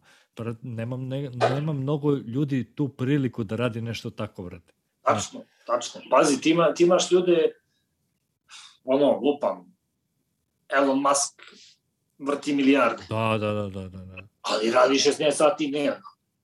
I spava pet, možda. Jest. Ja ne bih želeo da budem Elon Musk u životu. Pa ne bi voleo ni ja. Želim da budem čovek koji će nekad da radi, koji će da radi kod crnac, kad mi se radi, a želim da budem čovek koji će sebi da dopusti da mogu se napijem kad hoću. Za mene je to ja- sloboda. ja Dobro, sam ovo je, mislim, pomenuo sam njega kao ekstremni primer biznisa. Da, da, da, da, kontam jer je Ali uspešan. ima, ima lupam, eto, 21. vek. I u Srbiji čak, hteli mi to da priznam ili ne, standardi rastu. Naravno. Možda priča ko šta hoće, standardi rastu, bolje se živi sad nego od 2000. Naravno, da. Stvari nekako idu uzbrdu, sve stvari koje nas nerviraju ovako, onako, a neke stvari idu uzbrdu. Ljudi u proseku bolje zarađuju nego što je to bilo pre 15 i 20 godina. Znači, neke stvari se menjaju, ali takođe ljudi postaju uz bolje plaćene poslove, vamo namo postaju i ozbiljni robovi sistema. Jeste. To je tačno. Znači, čovek, ti imaš ljudi dosta koji imaju ozbiljne plate, koji uzimaju neke cifre lude, ali njihova sloboda je... Nema je. Brate, Nego, putujem sat i po do posla, radim 8 sati, ostajem 2 sata preko da me ne razjebe konkurencija, vraćam se kući, vamo, namo, da onda tu nema ni vremena ni za sebe čovek, ni za porodicu. to. A treba čovjek da ima vremena i za sebe, i za porodicu, i za sve lepe stvari oko njega. brate, razmišljao sam Naš upravo... posao nama daje tu privilegiju da to Da. možemo da namontiramo da. po svom, što meni konkretno, eto, kolege koji su mi, mogu bi reći, kao poslovni uzori su upravo ti koje vidim da imaju svoj život skockan, da žive normalno, da ne daju da ih pojede taj posao, kao Da. samo da ti šljakaš, šljakaš, šljakaš. Da. Evo primer, ko pominjem uvek s poštovanjem, na primer Johnny iz Podgorice, pratimo ga na Instagramu i vidimo da taj Da, čovjek da, da, povremeno kači radove, povremeno izlete s porodicom, šetnjavamo namo, znaš, i svi smo čuli priče o njemu koliko je skroman i koliko je Jeste, ali to gospodin je čovjek. realno. Jeste, upravo to. Upravo to. po meni je to, ako pričamo o poslovnom smislu, znači, takav treba da bude uzor. Čovek koji ima vremena za sebe, koji nije dao tome da ga pojede posao, jako u svom poslu Top. vrh vrhova. Znači, kad god se priča i o realizmu i o mnogim, mnogim stilima, Johnny Podgorice ustaneš pa ga pomeneš. Jeste, Znači, slažem se. ali mislim da je on tu jedan izuzetno dobar pozitivan primer da vidiš da nije tu fora sve o parama, on ide u konstantno inostranstvo, on bukvalno mogao bi da gde zine, gde mu padne na pamet na celoj kugli zemaljskoj da radi šta god hoće. Naravno. On živi u svom gradu, na svoju tarifu ima svoje planove, verovatno, kad će da radi, koliko će da radi. Provodi vreme vreme sa porodicom, brate, ima slobodno vreme, ima vreme kada radi, To. brate, radi u svom Ja gradu, mislim, ima posao. ja mislim da je to prava sloboda. Naravno. I to je pravi To artist, sloboda. brate. Nije, znaš, nije prizemanje, brate, aj, aj recimo tako, prizemanje, nije neka, ne, To, ne te, smatra to sebe da zvezdom. pričamo, da, možemo pričamo dva dana o tome, razumiješ. Znaš. Ali eto, ovo je kao neka slika koju lupam, ja kao njegov Instagram pratilac mogu da primetim. Slažem se u potpunosti, brate, Ima, tu verovatno hiljadu stvari na koji način on sve to organizuje, radi šta god. Ali Pazi. eto, ja kao Instagram pratilac mogu da primetim da su to neki elementi njegovog života. Naravno. I slažem Radi se što upravo- voli, radi ga perfektno i bavi se i svojim privatnim stvarima. Dobro. Naravno, ima svoj privatan život, poslovan život, brate, što kažeš ti ima, izgradio je sebe kao artista u tom mestu, ne Da. ide suviše na gostovanja, radi, ima posao u svom gradu, brate, Tačno. znaš, radi Mislim, to zar što to, hoće. zar to i nije cilj svima nama? Dobro, ne znam da ti ja da živiš u. Švedskoj i to. Znaš, Ali u principu svako traži to negde neku svoju luku gde može da se usidri. naravno. Naravno. Volimo da putujemo, eto ovoga pominjem opet iz Londona, on ima svoj studij, ljudi rade za njega. On ode u Nemačku na gostovanje prosto da bi putovao. Naravno, pa Da upoznao druge ljude, da bi šetao. Sviđa mu se taj deo ovoga zanata i on to radi i dalje. Znači, nije stvar u novcu. Znači, on mogao da sedi kući, prst uvo i boli uvo. Ne. Znači, on radi to jer voli i putuje jer voli, upoznaje nove ljude, pozna Dimitrisa iz Grčke, Bogdana iz Srbije i Naravno. nekog trećeg, znaš. A To su lepe stvari. mnogo, brate. Eto ono, tako da možda sve ovo bude korisno nekim mlađima koji budu Ja se iskreno nadam, brate, jer, e, znaš, neka ideja celo, celog ovog projekta mi je upravo i to. Da motivišemo neke ljude, a i da neki, ajde da kažem, obični ljudi, brate, skontaju neke stvari u vezi sa tetoviranjem, priču. sa kazivanjem i kako sve to ide, brate, upravo da ne bi Pa ono, dolazilo znaš kako, ja mislim da ne znam koliko će neko ko nije baš u svetu tetoviranja želeti da sluša sve ovo što smo mi pričali, možda što da ne, ali neko ko je ljubitelj tetovaža ili često provodi vreme u studijima, verovatno će biti zanimljivo, ili čak Naravno. kolege, mlađe ili starije, možda neko bude zanimljivo šta pričaju ova dvojica ovde Ja cijel se dan iskreno i su nadam, ogovarali. Da i da niste nešto ružno rekli, ono. Па да, углавном гледај веќином брате управи спортот. Но да си е некој Да, да ме некој не испрозивал. А шта си мислио тим и тим? А кога си мислио дека се понекнува? Да, да, да, да. да. Но ние проблем е ово написаш ти список, оно ка. Никакви проблем, ако те баш занима. А да, за шта ќеш ние? Пази, мислам искрено. Nisam krenuo ovo, brate, zbog nikakvih, znaš, sad, da kažem, finansijskih nekih, znaš, Pa, da to bi imao posle. koristi sve te stvari. Ali, brate, svidjela mi se ta ideja kroz razgovore sa kolegama, brate, a i što da ne da mi se, brate, kolege s Pa kojima ono, dobar predstave, je, na brate, primjer, znaš, sve predstave, svebe, sam... Da, daju neke sve savjet klijentima i sve te stvari, znaš. da, vredi. Vredi. Vredi, da. Znaš, koga interesuje, on će Ovaj- poslušati, brate. sve što mi smo pričali sad ovde, verovatno smo i ja i ti pomenuli u razgovoru sa drugim kolegama na 50. Naravno. Upravo to. Sasvim je meni cool da to stane nekad negde dokumentovano. Možda 10 godina budemo pogledali ovaj snimak i kao jebate što bi zanimljivo, ono kao To, si bio, to, sam, to, ja sam bio u ovom studiju, to Da, je to, da. Pe, to sam bio ja Peđe je bio ovde, ono kao, da, da, da, radio ono kao, Jeste. radio je tad sa onom mašinom, inspiran i ne znam, Da. radio sa škorpionom, jeste, je. sad radi sa ne znam nekim trećim, ono, sve će to jednog dana biti zanimljivo da bacimo Naravno. pogled, Pa kažem ti, sigurno. kontom da će, brate, biti korisno i nekim budućim klijentima ih stvarno interesuje tentoviranje i sve te stvari, brate, bit će im korisno da poslušaju neke stvari koje, između ostalog, savete koje imamo da im damo kroz razgovor, znaš. Upravo da, ne bi dolazilo do tih nekih stvari, znaš, tipa slanje poruke u tri noću, brate, i e, brate, koliko rukavi. A i boga mi sad je kasno, ja očekujem ako mi sad ne pošalju poruku, ne znam, Brate. boga mi. Tu smo, u kritično smo vreme ušli, brate. U kritično vreme. Ne, ne, pazi, znaš kad je najžešće? Znači, najžešće je petak posle Pe, 10 to sam teo da kažem. Petak, subota, Subota, brate, posle 12. Petak, subota, to je to. Znači, svaki, znači, cena. cena screenshot, ono, sa the best tattoo artist da. ili tako nešto. da. Meni je kritično to vreme. Petak, subota, posle 12, brate. Obavezno. Da. Posle 12, petak, Dobro, u subota. pazaru, se, u pazaru se ranije izlazi, znaš, kao, pa onda bude tu već oko 10 ili nešto, tu krene. je, Krene udar, Bogdane, bude, bude poruka. brate, hvala ti što si izdvojio svoje vreme da Hvala, budeš gost u podcastinku, vrate, ja smo malo odužili razgovor, ali izuzetno sam uživao, vrate, čuo sam neke stvari koje, na primjer, eto, nisam znao, a u nekim stvarima mi je drago što smo se složili. Izuzetno sam uživao u razgovoru, nadam se da si i ti, nadam se da će i gledalci, vrate, uživati u ovih možda 2-3 sata kvalitetnog programa. To, to, To, brate. Meni je bilo do jaje. Takođe, brale. Hvala Hvala na ti. pozivu i hvala svima koji su izdržali da ovo odgledaju do kraja. Da, da, da. Hvala ti još jednom što si odvojio svoje vreme, brate. Iskreno sam ti zahvalan. Pored svih obaveza, brate, znam, čuli smo se i ovih dana, sad su i praznici, nova godina, ovo ono. Hvala ti još jednom što si ostao Evo, do na čemu, a, tri molim, noću. i drugi put. Pa se vidimo sa I nekom novom da. epizodom, brate. Važi. Pozdrav svima. Ćao. Ćao.